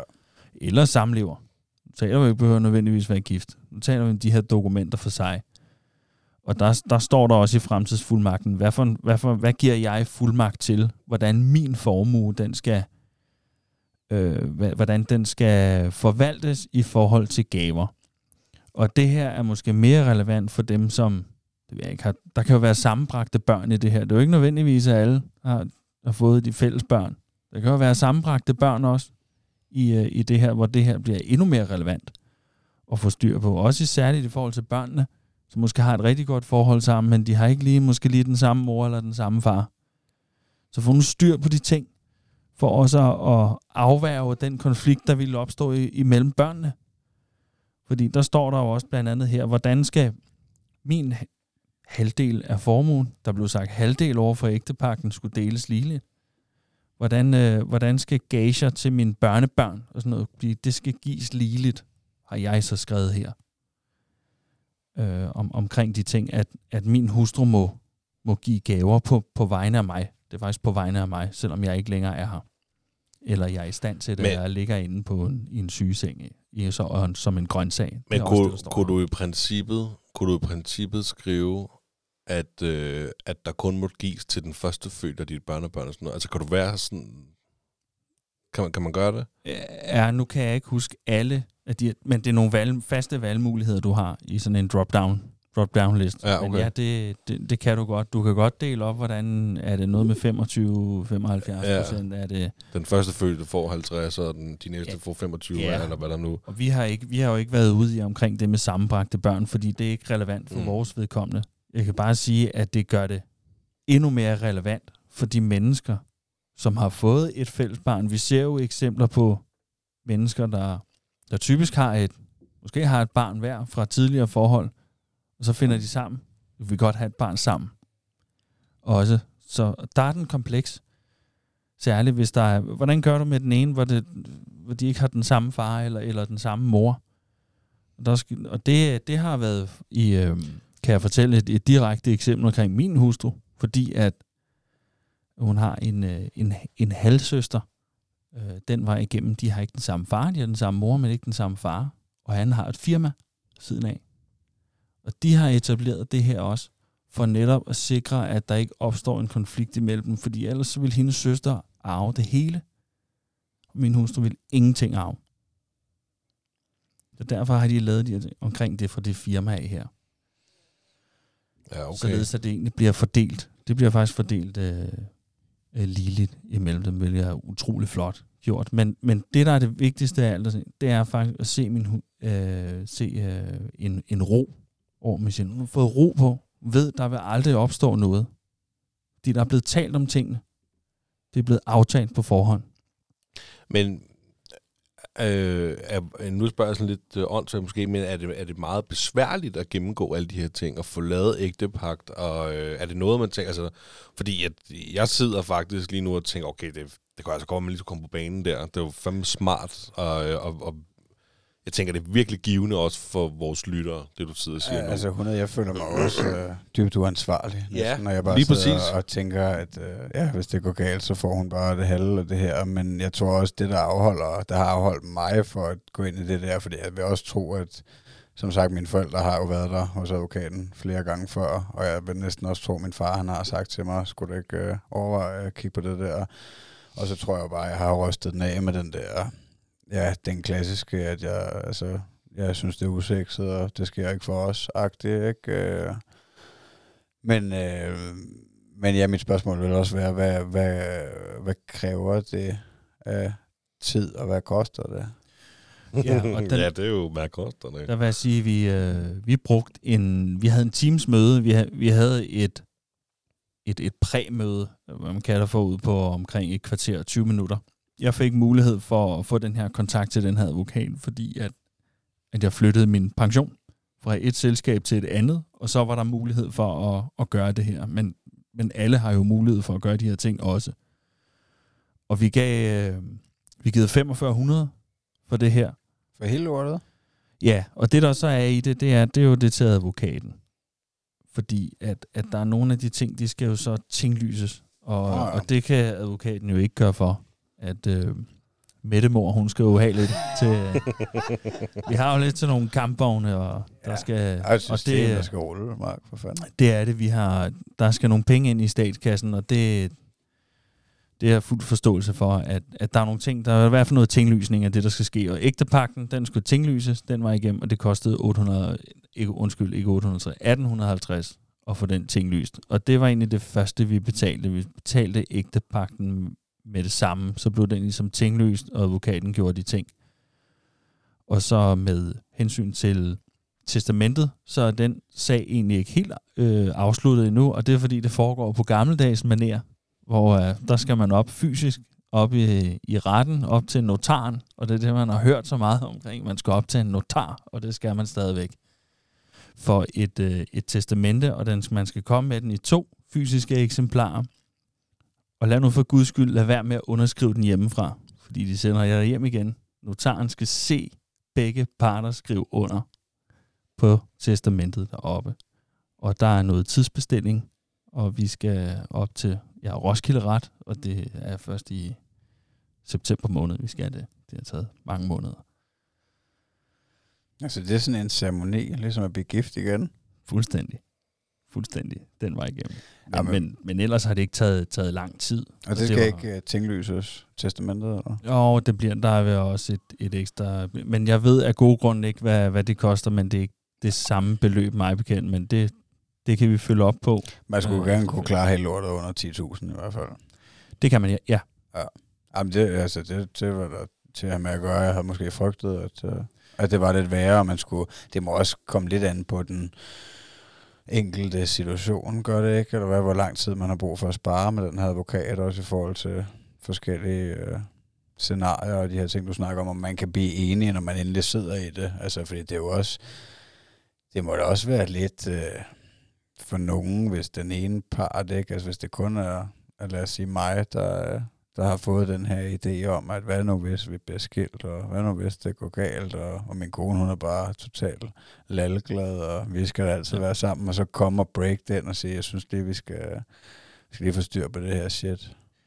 Altså, der vil jeg jo så sige her, når nu vi kommer til testamentet, at der vil jeg næsten med sikkerhed, jeg ved godt, der er en, en, en skrækkelig øh, sandsynlighed for at opleve ens barns død, men ellers så er det forhåbentligvis øh, sådan, at det er os, der skal afgå ved døden først. Så derfor kan jeg sige med sikkerhed, stort set med sikkerhed, at det, der står i testamentet, det, det, det kommer til at træde i kraft på et tidspunkt, hvis vi Ja. skal følge naturens, øh, Ja, så det har, ikke, naturens gang. det, det har ikke været ligegyldigt, det jeg har gjort. Nej, og der vil det være sådan. Og det, der står netop i forhold til testamentet, og, det, og jeg siger det kun, fordi Magnus, du nævner det omkring skilsmisse og det omkring dødsfald. Altså dødsfaldet vil ske.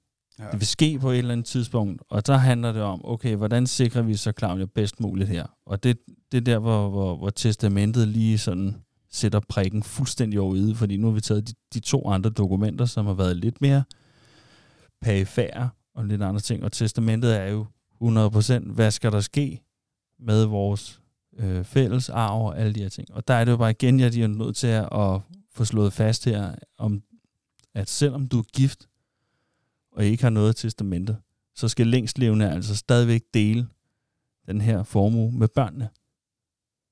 Så hvis man tror, man så er sikret, at det er lige med at være sikret, så fint nok.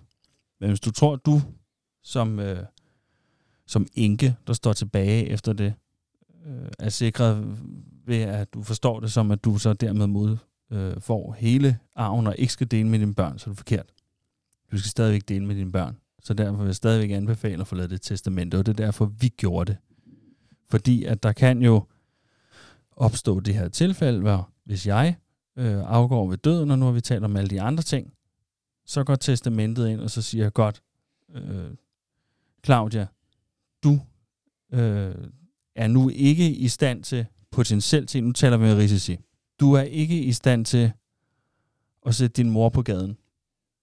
Men det er rent faktisk det, man måske også, som man også siger, når man heller ikke er gift og alle de her ting, så vil, vil Eddie kunne sætte øh, sin mor på gaden og sige, far er afgået ved døden, jeg vil gerne have mine penge nu. Selv huset. Du skal flytte, finde en anden bolig. Du skal dele arven nu. Og det, det er de ting, vi, det er det, testamentet går ind og tilsikrer. Og det er ikke fordi, at børnene nødvendigvis vil handle i ond tro. Det er lige så meget at gøre med at sikre, hvornår er de modne nok til at modtage deres arv. Og det er det, der, det, er det andet argument, det er, at arven den kan båndlægges, som man kalder det for. Det vil sige, når I synes, at, at det, når det er 18 og 21 år, at øh, formuen, nu bruger jeg ordet formue igen, øh, altså det er trods alt et, et helt hus, og hvad man nu har, bolig og bil og alle de her ting. At, at det er en, en, en 18-årig, 21-årig, der skal, der skal have fuld råderet over det. Der har vi gået ind også og sagt, jamen det båndlægger vi. Og det, det sad vi og modede os over, da vi gik igennem det, og sagde, der kommer hun til at, at svine sin far til. Ikke når, hvis, hvis det skulle ske, det er forhåbentligvis ikke, men, men der har vi blandt andet gået ind og sagt, den får du råderet over, når du er 30 år. Fornuftigt. Fordi der er der, øh, mener vi, at der er større sandsynlighed for, at du har et, måske etableret din egen familie. Du har i højere grad brug for det på det tidspunkt. Men vi har lavet dispensation for, at hvis du har brug for at købe en fast ejendom, så bliver der givet dispensation. Og så vil far gerne øh, Så kan der tages. arven, ja, tage sig arven til, Ja. altså, men hvis det går til noget fornuftigt, men at der ikke bliver øh, ja, drukket bajer og sådan noget for, for pengene, eller hvad, altså hvad det nu måtte være, ja. så de ting, eller til studie, til at, hvis hun vil starte på et studie, øh, de ting, og det koster en hel del penge, så bliver der også givet dispensation til det. Og det her er vi så glade for, at det er sådan nogle ting, der står. Det er det, der står i testamentet. Det er Ja, det, vi har valgt Altså, det er alligevel detaljeret. Altså, og det er jo fornuftigt. Altså, jeg kan virkelig godt t- føle dig i det der med, at de skal jo ikke, de er jo slet ikke gamle nok til at få så mange penge, når de er 18 eller 21, og så ligesom bare en børneopsparing. Altså, vi har jo også sat den, jeg tror det højeste, vi kunne få til at sætte den til, det var 21 øh, med, med et børneopsparing. Øh, og hvis vi kunne sætte den højere, så havde vi gjort det. Fordi du er bare ikke mod nok til at håndtere øh, en masse penge på det tidspunkt. Nej, det kender du vel for dig selv. Jeg gør fuldstændig. Altså, jeg fik sgu da også nogle penge, da jeg blev 18 år gammel, og dem ville jeg meget hellere have haft. De ligger nede på det, der hedder Interpol, nede i Roskilde. der ligger mange af dem i hvert fald. Ej, ikke meget. Der ligger nogle af dem. Ja, men, øh, men men det var dem, hyggeligt, jo. Ja, det var det. Det var nogle gode byture, jeg gav i hvert fald. Nej, øhm, men, det, men det var nogle penge, jeg, øh, jeg kunne da godt have brugt. Så, så altså, når jeg var 30 jo. At jeg været bedre givet ud til at smide ind i huset, eller... 100. Der havde lige været til, øh, til nyt køkken, eller altså... Ja. et eller andet, whatever. Men ja, altså det... Øhm, ja, Ja, jeg synes, det, altså, det virker ekstremt ansvarsfuldt, og det er der noget, altså, efter alt det, du lige har siddet og fortalt, altså, jeg, jeg synes, du er godt nok vildt, Mark. Det, altså, men jeg, jeg tænker også, det, det, det kommer så naturligt øh, i gåsøjne, at øh, når man er igennem processen til advokaten, og at man går lidt ud i detaljerne, Øh, men jeg synes, det virker fedt. Altså, det virker øh, fedt, når du snakker om, at I, øh, at I har styr på det. I har sat jer ned sammen, imens I er rationelle og I er gode venner øh, og, og finde ud af, hvordan, øh, hvad I synes, der er acceptabelt. Altså, fordi at øh, det kan fandme være en lort situation. Ja, og vi, og vi ønsker jo det bedste. Det gør alle forældre jo det bedste for deres børn. Så, så, så de andre ting, som var lidt mere, altså kan have været lidt mere ubehagelige at, at drøfte sammen, det her med skilsmisse, skal vi jo også huske, det er jo, det er jo også med til at gøre det, gøre det lettere for vores børn at komme igennem. For de kommer jo også igennem den her svære tid, hvis, hvis de her grimme Ja, øh, det- scenarier, hvor vi siger, nu sing, vi tænker kun, at, at det er en forbandelse derovre, eller vi, øh, hvad siger man, glasset det er halvt fyldt eller halvt tomt, ikke? Og så kan man sige, nå, men ser I kun glasset som halvt tomt, og I tror ikke på jeres forhold øh, i, i længden.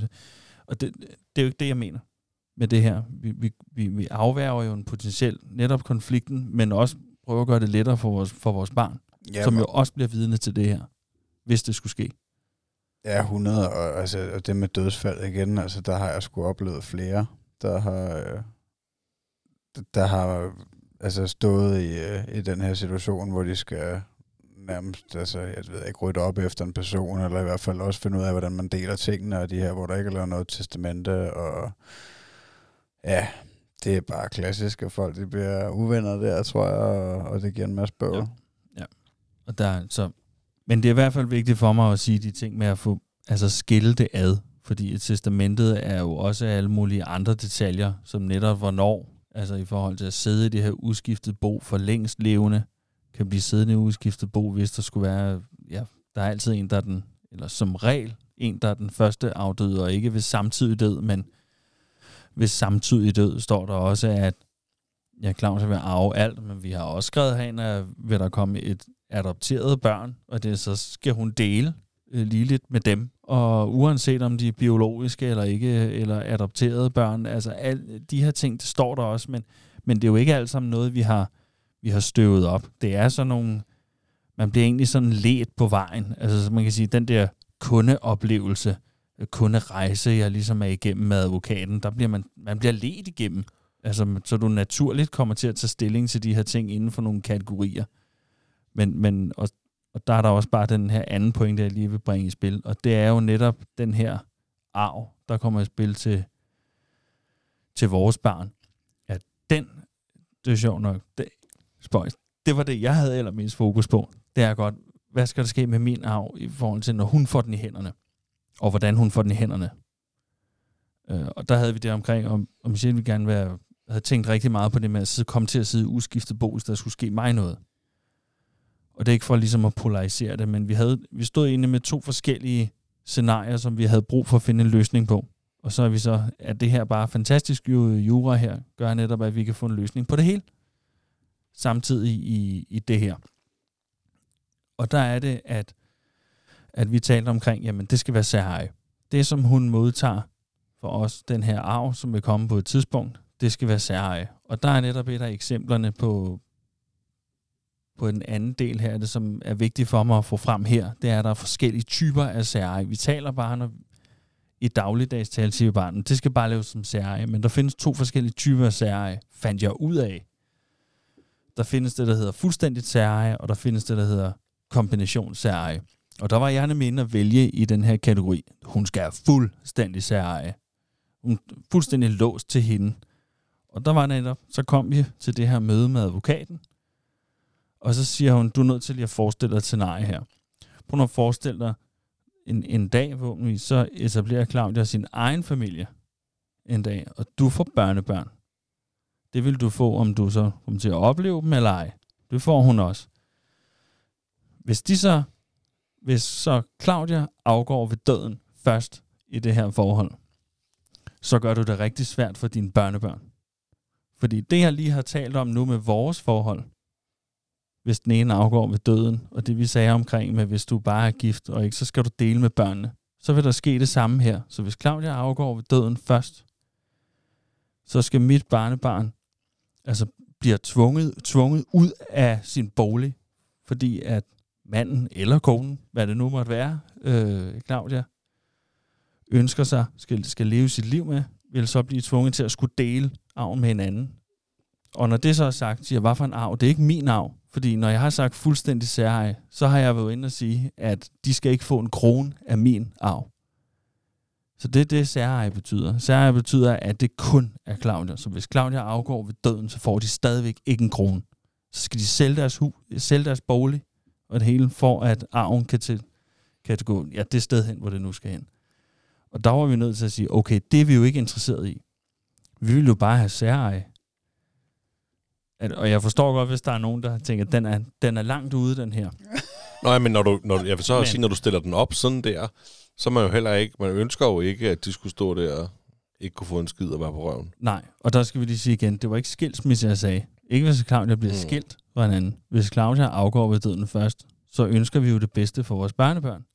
Men ved at jeg havde valgt fuldstændigt særeje, så risikerer jeg at gøre det modsatte. Og det var jeg ikke interesseret i. Og der, der synes jeg virkelig, at sådan en dialog med den her advokat blev, blev, blev guilty, guilty. Fordi der siger hun, der anbefaler jeg kombinationssæreje, og der skal vi så huske på, at det er så noget andet. Der kommer han hen og siger, at det er stadigvæk øh, jeres formue som forældre, som øh, kommer til at tilhøre Claudia. Men hvis hun afgår ved døden først, så vil, vil øh, de ikke nødvendigvis skulle sælge deres bolig, fordi at nu skal de lige pludselig til at... Nu står de jo pludselig i gæld jo. Det handler om, at modparten, der står tilbage, jo så står i gæld. Øh, de ting. Det kommer ikke til at ske, således at de faktisk stadigvæk kan dele den her arv med hinanden. Men hvis de bliver skilt fra hinanden, så øh, siger kombinationssaget, at, at hvis Claudia bliver skilt, så kommer, de, så kommer modparten ikke til at arve noget som helst. Og ja, det har jeg en holdning til, hvis de bliver skilt fra hinanden. Og det, øh, vi, vi har, det har vi også, øh, vi har set eksempler på det i, øh, i vores liv, øh, om, omkring os. Jeg kan blende et, et eksempel på, ikke et decideret eksempel på noget med dødsfald her, men når man kommer med et, et, en livssituation, der er med et par forældre, og fået et barn, som nu har vokset op, den vej igennem, og de vil være sådan at være lidt oppe i alderen nu, og, og, og, og, og det her, øh, deres barn er, har nogle diagnoser og nogle ting, så er ikke i, i stand til sådan at skelne imellem øh, godheden i mennesker, og hvornår handler de i ond tro, og hvornår handler de i god tro, og nogle ting. Det, er- det hedder noget bestemt. Men hun er blevet gift med en. Ikke? De er blevet gift med hinanden.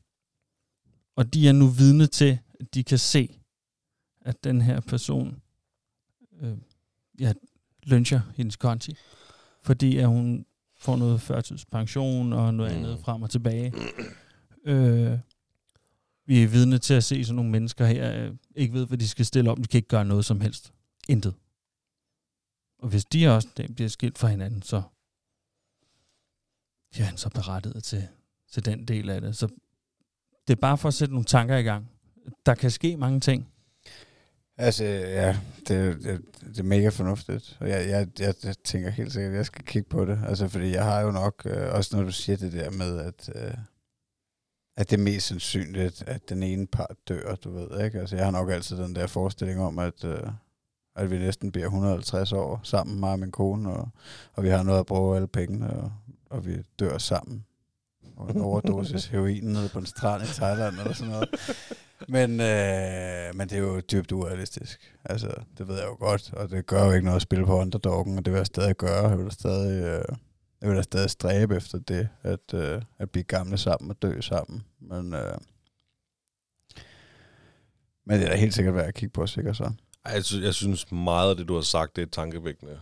Altså, jeg synes, jeg synes øh, jeg er slet ikke, altså mine tanker er slet ikke derude, har ikke været det. Og øhm, jeg må indrømme, jeg føler mig en smule uengageret i, øh, ja, i både mine børn og min kone, og nu, når du sidder og fortæller de der ting der. Ja, jeg tænker også, Altså, det er sådan lidt, at jeg kunne skulle prøve at gå lidt mere op i det. Altså, jeg tænker mere kærlighed. Altså, det er bare, det...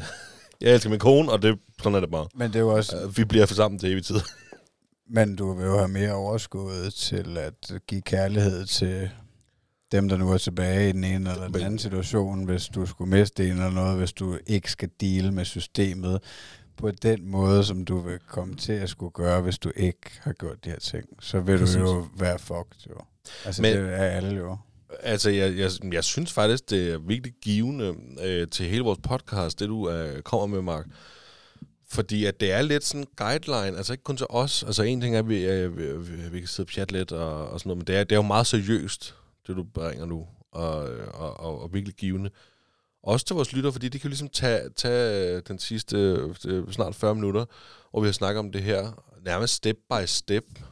Og, og, og, og, og hvis de sidder ligesom os, ja, en lille smule, det er Magnus, der spørger, om jeg vil have det øl, øhm, og, og ikke har gået så meget op i det, så kan de faktisk tage det, du lige har sagt, step by step, og sige, okay, det det er det, det, det, vi kan gøre for at sikre os selv og vores børn og eventuelt vores børnebørn på alle mulige måder. Gå ned til advokaten og tjek det ud.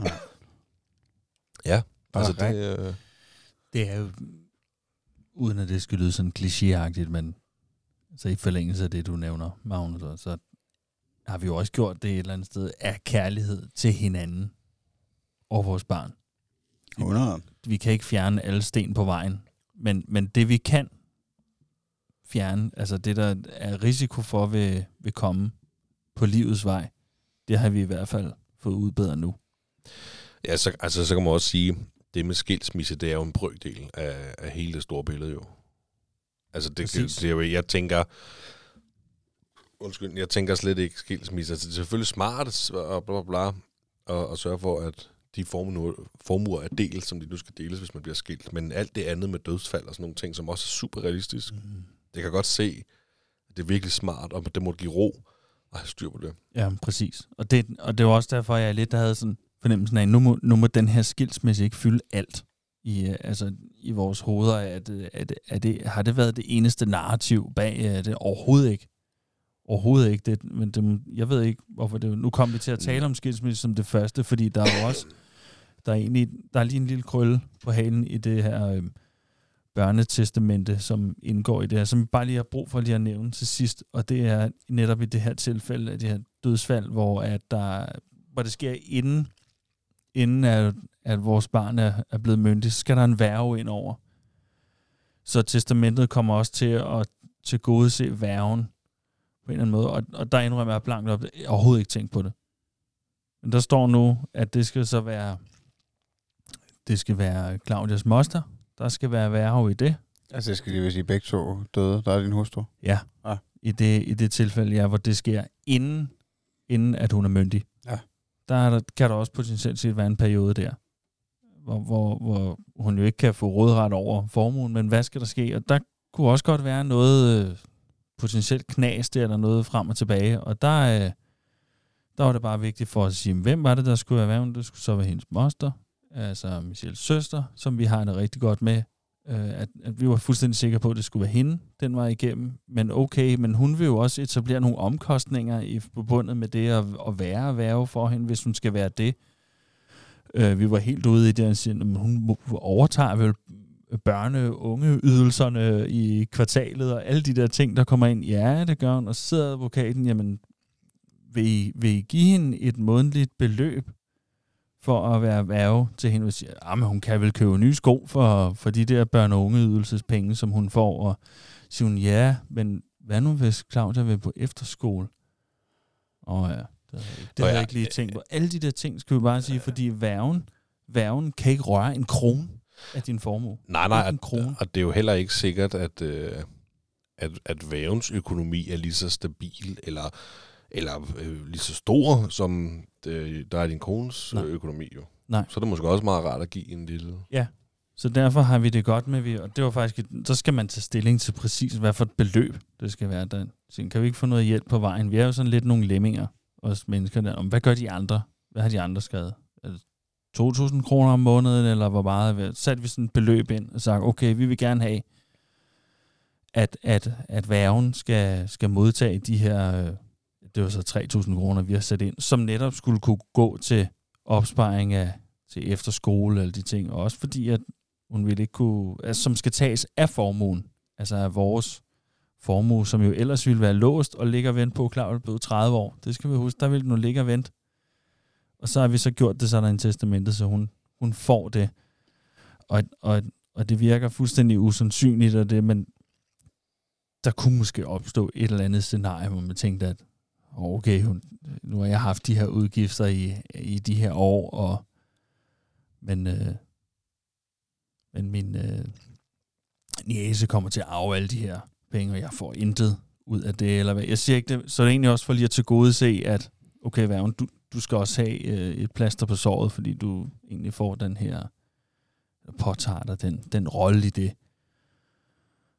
Om det så, hvordan jeg ikke formuleret det her, men, men det var egentlig ment i kærlighed, for ligesom at få ro over de der ting. Den er fandme også vild, den der. Den er også, altså, der skal du, der skal du fysisk have den her tredje part, der går ind og siger, jamen, jeg vil gerne tage det her job. Altså, hun skal med ind til advokaten og skrive under og sige, øh, jamen, jeg tager den, hvis, øh, hvis de tager billetten, de to der.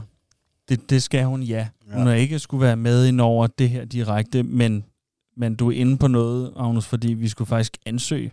Jeg skal, jeg skal sidde og skrive, jeg skulle skrive en argumentation for, hvorfor at det skal være hende.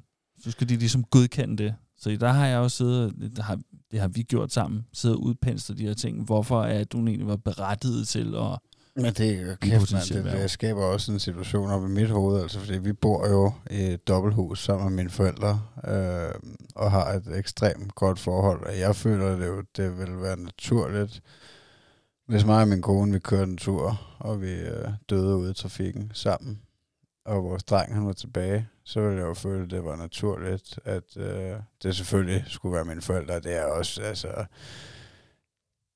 Det kan jeg selvfølgelig ikke være sikker på, at de vil have lyst til at tage det ansvar, men det er øh, nærmest 100% sikker på, at de vil sige, øh, vi vil gerne tage ansvar for ham og være hans nye forældre, eller i hvert fald dem, der bestemmer. Øh, men hvis vi ikke har lavet den der aftale hos en advokat, og vi begge to gik bort på samme tid, hvad sker der så? Det er jo under dåben, der har du, hvem der nu er fader, Mm. gudmor, gudfar. Det er dem, der vil træde ind. Men vi er ikke, øh, han er ikke døbt. Så er det børnehjem. Han er buddhist. Jamen, jamen, det er det, jeg mener, går, øh, Nej, jeg ved det ikke. går øh, altså, så, så går kommunen ind, der går vel en eller anden proces i gang i systemet, hvis man ikke har truffet det valg. Altså, de, de siger vel ikke bare på forhånd om, okay, øh, farmor og farfar bor nede i kælderen, så han går bare fisk derned. Men det, men det, vil, det er det i de fleste tilfælde, der vil det være. Ja, altså bedsteforældrene er. Ja, Det- altså, det de, vil de vil gå ind og kigge familiært Ja. og sige hallo. Og de vil ikke bare tage ham og Men- finde en ny plejefamilie Men de vil ham. jo ikke få, altså blandt andet, Nej, det, nu siger jeg ikke, at det er det, der skal, men, men de kan jo ikke røre noget af jeres formue. De vil ikke få noget kom, anden sige, kompensation. De vil få børn- og ungeydelsen. Ja, Ej, men, nu, altså, Men ja. de vil ikke kunne, kunne gøre det her ved at spare op til en, ja, nu siger jeg en efterskole eller noget ganske særligt, der skal ske, eller om det er blevet populært at tage et, et år i, i US øh, og, og læse, eller noget andet. Ikke nødvendigvis. Men det, men det er der ikke. Det vil de ikke få mulighed for. Ej, jeg kan sagtens følge dig men det er slet ikke, altså umiddelbart er slet ikke lige det, der skræmmer mig, men, men altså, man vil, altså det, det der egentlig kom til at frygte, det var, vil kommunen gå ind og tage ham? Altså, hvis vi døde en eftermiddag ude i trafikken, og hvad, altså, hvad sker der så? Går de så ind og tager barnet på en eller anden måde, eller, eller kommer de ud og, og, og tilser, hvad det er for et miljø, han er i nu? Nå ja, det vil, ja, det vil kommunen gøre. Kommunen vil jo komme ind, og ja, ja, de vil komme på banen på den måde. Ja, Selvom at største sandsynlighed vil være, at det er han bare fik ja, lov en af jeres, nogle af deres forældre, der vil der vil skulle overtage, altså blive værger i det. Ja. Men igen, altså, testamentet vil jo skabe en klarhed over det her. Ja. Netop også, når, hvis ikke der er fader, der er ikke øh, gudmor og gudfar. Ja, Kan jeg jo så anbefale her også testamentet, fordi der er jo ikke nogen tvivl omkring, hvem der skal være værge. Bang, lige med det samme. Men, men alt det der, altså med gudfar og gudmor nede i kirken, er, er, det, øh, er det på skrift, eller er det, mm. er det, det bare, jeg troede bare, det var en leg. Ja. Det står Nej, i du, kirkebøgerne, det, ja. ja, altså, du- vi, vi ses jo på, på lørdag, næste lørdag. Så det er juridisk bindende, eller hvad? Det, der, vi, vi skriver både fader, øh, adresse og navn, øh, fødselsdag, tror jeg nok også, ind til, øh, til kirkeministeriet, så skriver de, hvem der er fader og hvem der er gudfar og sådan noget. Nå, sindssygt, mand. Hold kæft, det Men- var et spændende emne, Mark. Altså, det er nok det vildeste emne, vi har haft oppe i podcasten længe. Føler, at det var godt nok dybt. Jamen, det er... Jeg vil ikke sige, det, det er fedt på den, altså på den måde, vil jeg sige, men det er, et, det, det er et, et vigtigt emne. Vi har Altså, det er- drøftet omkring at få det, få det frem, og det er også nogle af de svære emner at tale om, kan det være, de ting, og det synes jeg også, altså, hvis der er nogen, der sidder og har de samme tanker, men ikke lige... Altså, jeg tænker, der må, der må være flere fædre, eller mødre for den til skyld, eller lyttere derude, der sidder ligesom mig og Magnus, er sådan lidt, det har vi sgu ikke tænkt så meget over. Og nu, øh, altså det er sådan lidt øh, Marks guideline til, øh, Ja. til testamente og ægtepagt og fremtidssikring. Ej, jeg synes godt det var fedt. Altså, jeg tror ikke, at, altså, jeg tror alle ved, at det eksisterer på et eller andet niveau. Jeg tror bare, at, øh, at de fleste, de, øh, de tænker, om det går nok. Det skal nok gå. Det tror Det er meget hyggeligt, det hele. Bare det var sådan noget at man satte Ikke? sig op med en advokat, skrev på kuglepen, han skal arve fjernsynet. Altså, der skal skal have er ikke så fejl, at der 50%. går et par dage, og så har du glemt det igen, jo. Så, Hvad for noget det her? Ja. Jamen, det, hvorfor tror du, vi optager det? Nå ja. Altså, Det er så, jeg kan minde om det, når jeg har hørt det. ja, lige præcis. Ja. Ej, det, det er sgu, det er tankevækkende. Det, det skal jeg i hvert fald tænke over. Skal vi ikke uh, prøve at hoppe lidt videre til noget andet? Du dyrker jo også uh, fritidsinteresser. Udover at gå til advokat og lave ægtepagt. Og... Noget talt sort. I, I sort. Jamen, jeg ved ikke inden, altså er du, er, føler du, du har, du har jo noter med, føler du, du er kommet igennem sådan, hvad du føler, du vil, hvad der vil være givende til lytterne? Ja, vi har, vi har været igennem de, de allermest vigtige ting. Der, har, en- der kan være nogle små detaljer i, i, i periferien af det her, sådan noget som, uh, hvornår kan testamentet ophæves, og kan man bare ophæve det, når man bliver skilt, og hvornår kan man... Der er nogle små sådan krøller på halen, man kan lave, men det er ikke så vigtigt, for jeg synes, det vig- mest vigtige budskab, det er, at alt det her, det har, det har vi talt om, omkring, og det var egentlig også bare for at sætte de rigtige tanker i gang.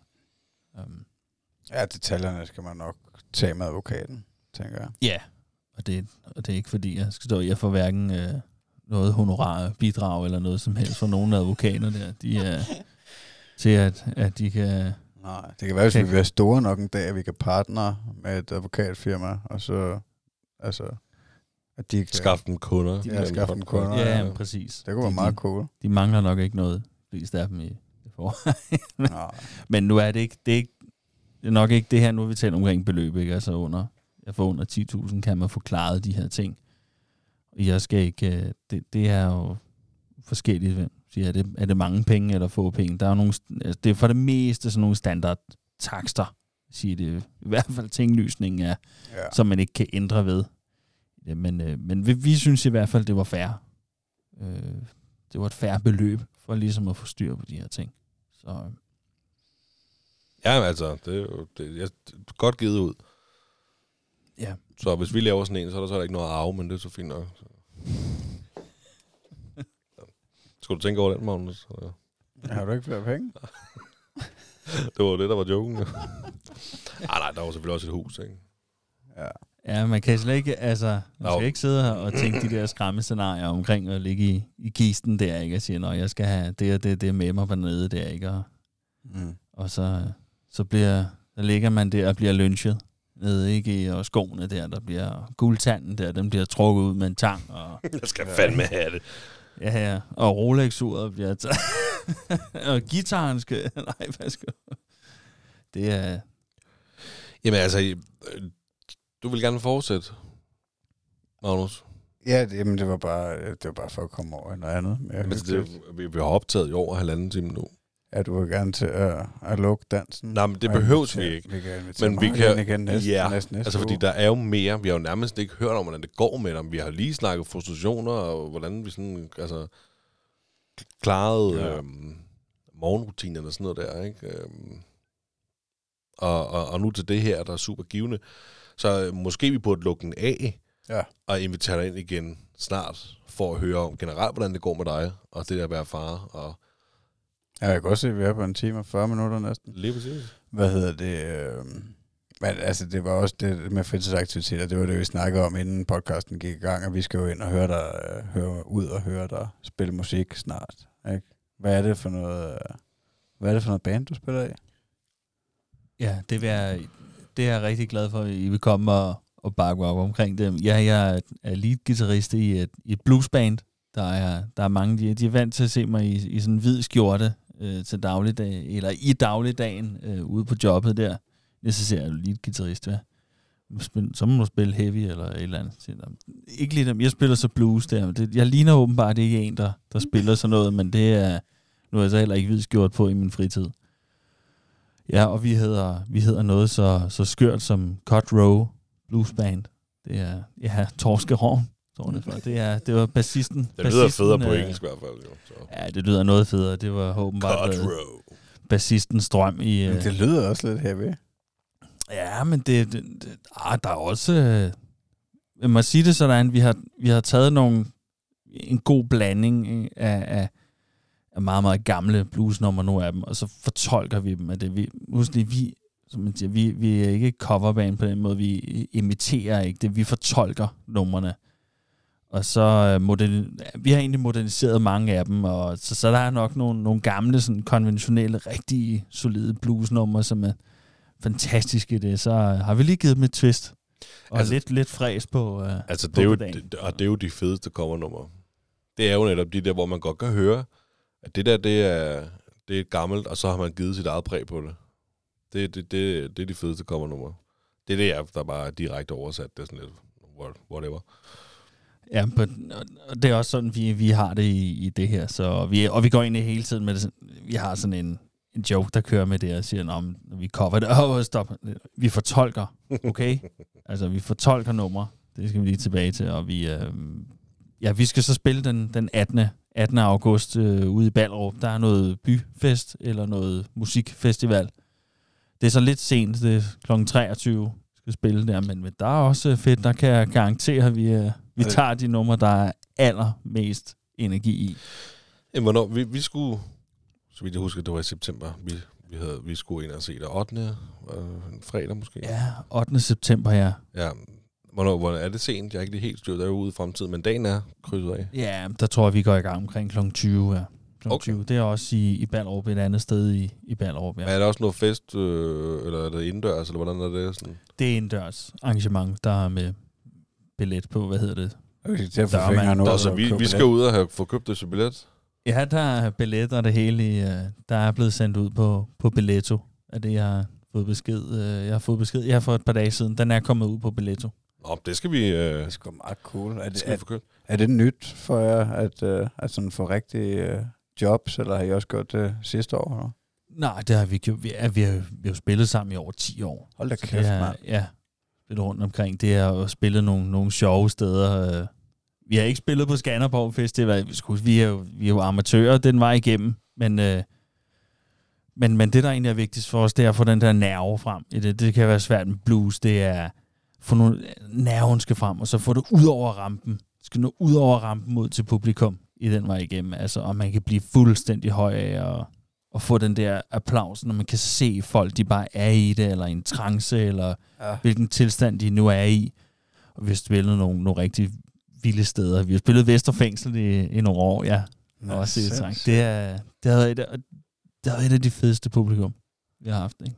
Kunne jo rigtig se, hvordan er, at numrene, musikken der trængt ind i folk, der var en, en del, der, der sad og reflekterede. Ikke? Og, altså det, det, musikken kan ikke ændre folks holdninger eller gøren og laden på de ting, men musik kan ændre folks følelser den 100, vej igennem. 100, det kan give en kæmpe oplevelse, ikke? Det er, kan jo være en form for, for hypnose, ikke? At du i hvert fald ændrer folks uh, humør og, og adfærd i, i, i hvert fald den seance, hvor det står på. Det er fandme cool. Jeg glæder mig til at opleve det. Fedt. Så folk, de skal gå ind og søge på Cut Row, Blues Band. købe billetter, Blues Band. Der er et par koncerter upcoming. Vi glæder os i hvert fald. øh, skal vi ikke bare for sjov skyld slutte helt af med det spørgsmål, du sikkert har fået et par gange i podcasten efterhånden, sådan, men det kan jo være, at han har ændret mening. Ja, du? 100. Vil du stille det? Ja, altså hvis du skulle øh, give et øh, råd til en kommende far derude, hvad skulle det så være, Mark? Se at få lavet den ægte pagt, eller Det, det, var, det var lige præcis det, jeg ville have, have fyret af her. Call the lawyer. Og jeg tænkte, jeg tænkte mellem at sige den, eller sige, prøv ikke. Eller.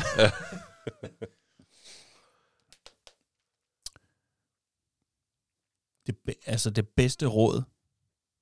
Jamen lige nu vil det være, tal sammen i jeres forhold. Kommuniker sammen. Ja, men tror, jeg kan ikke engang huske, hvad, øhm, hvad dit råd har været før. Nå, men det... Men øh, jeg tror ikke, det var det der. Og øh, det er meget fedt, det der med, at man kan altså, at komme med flere råd.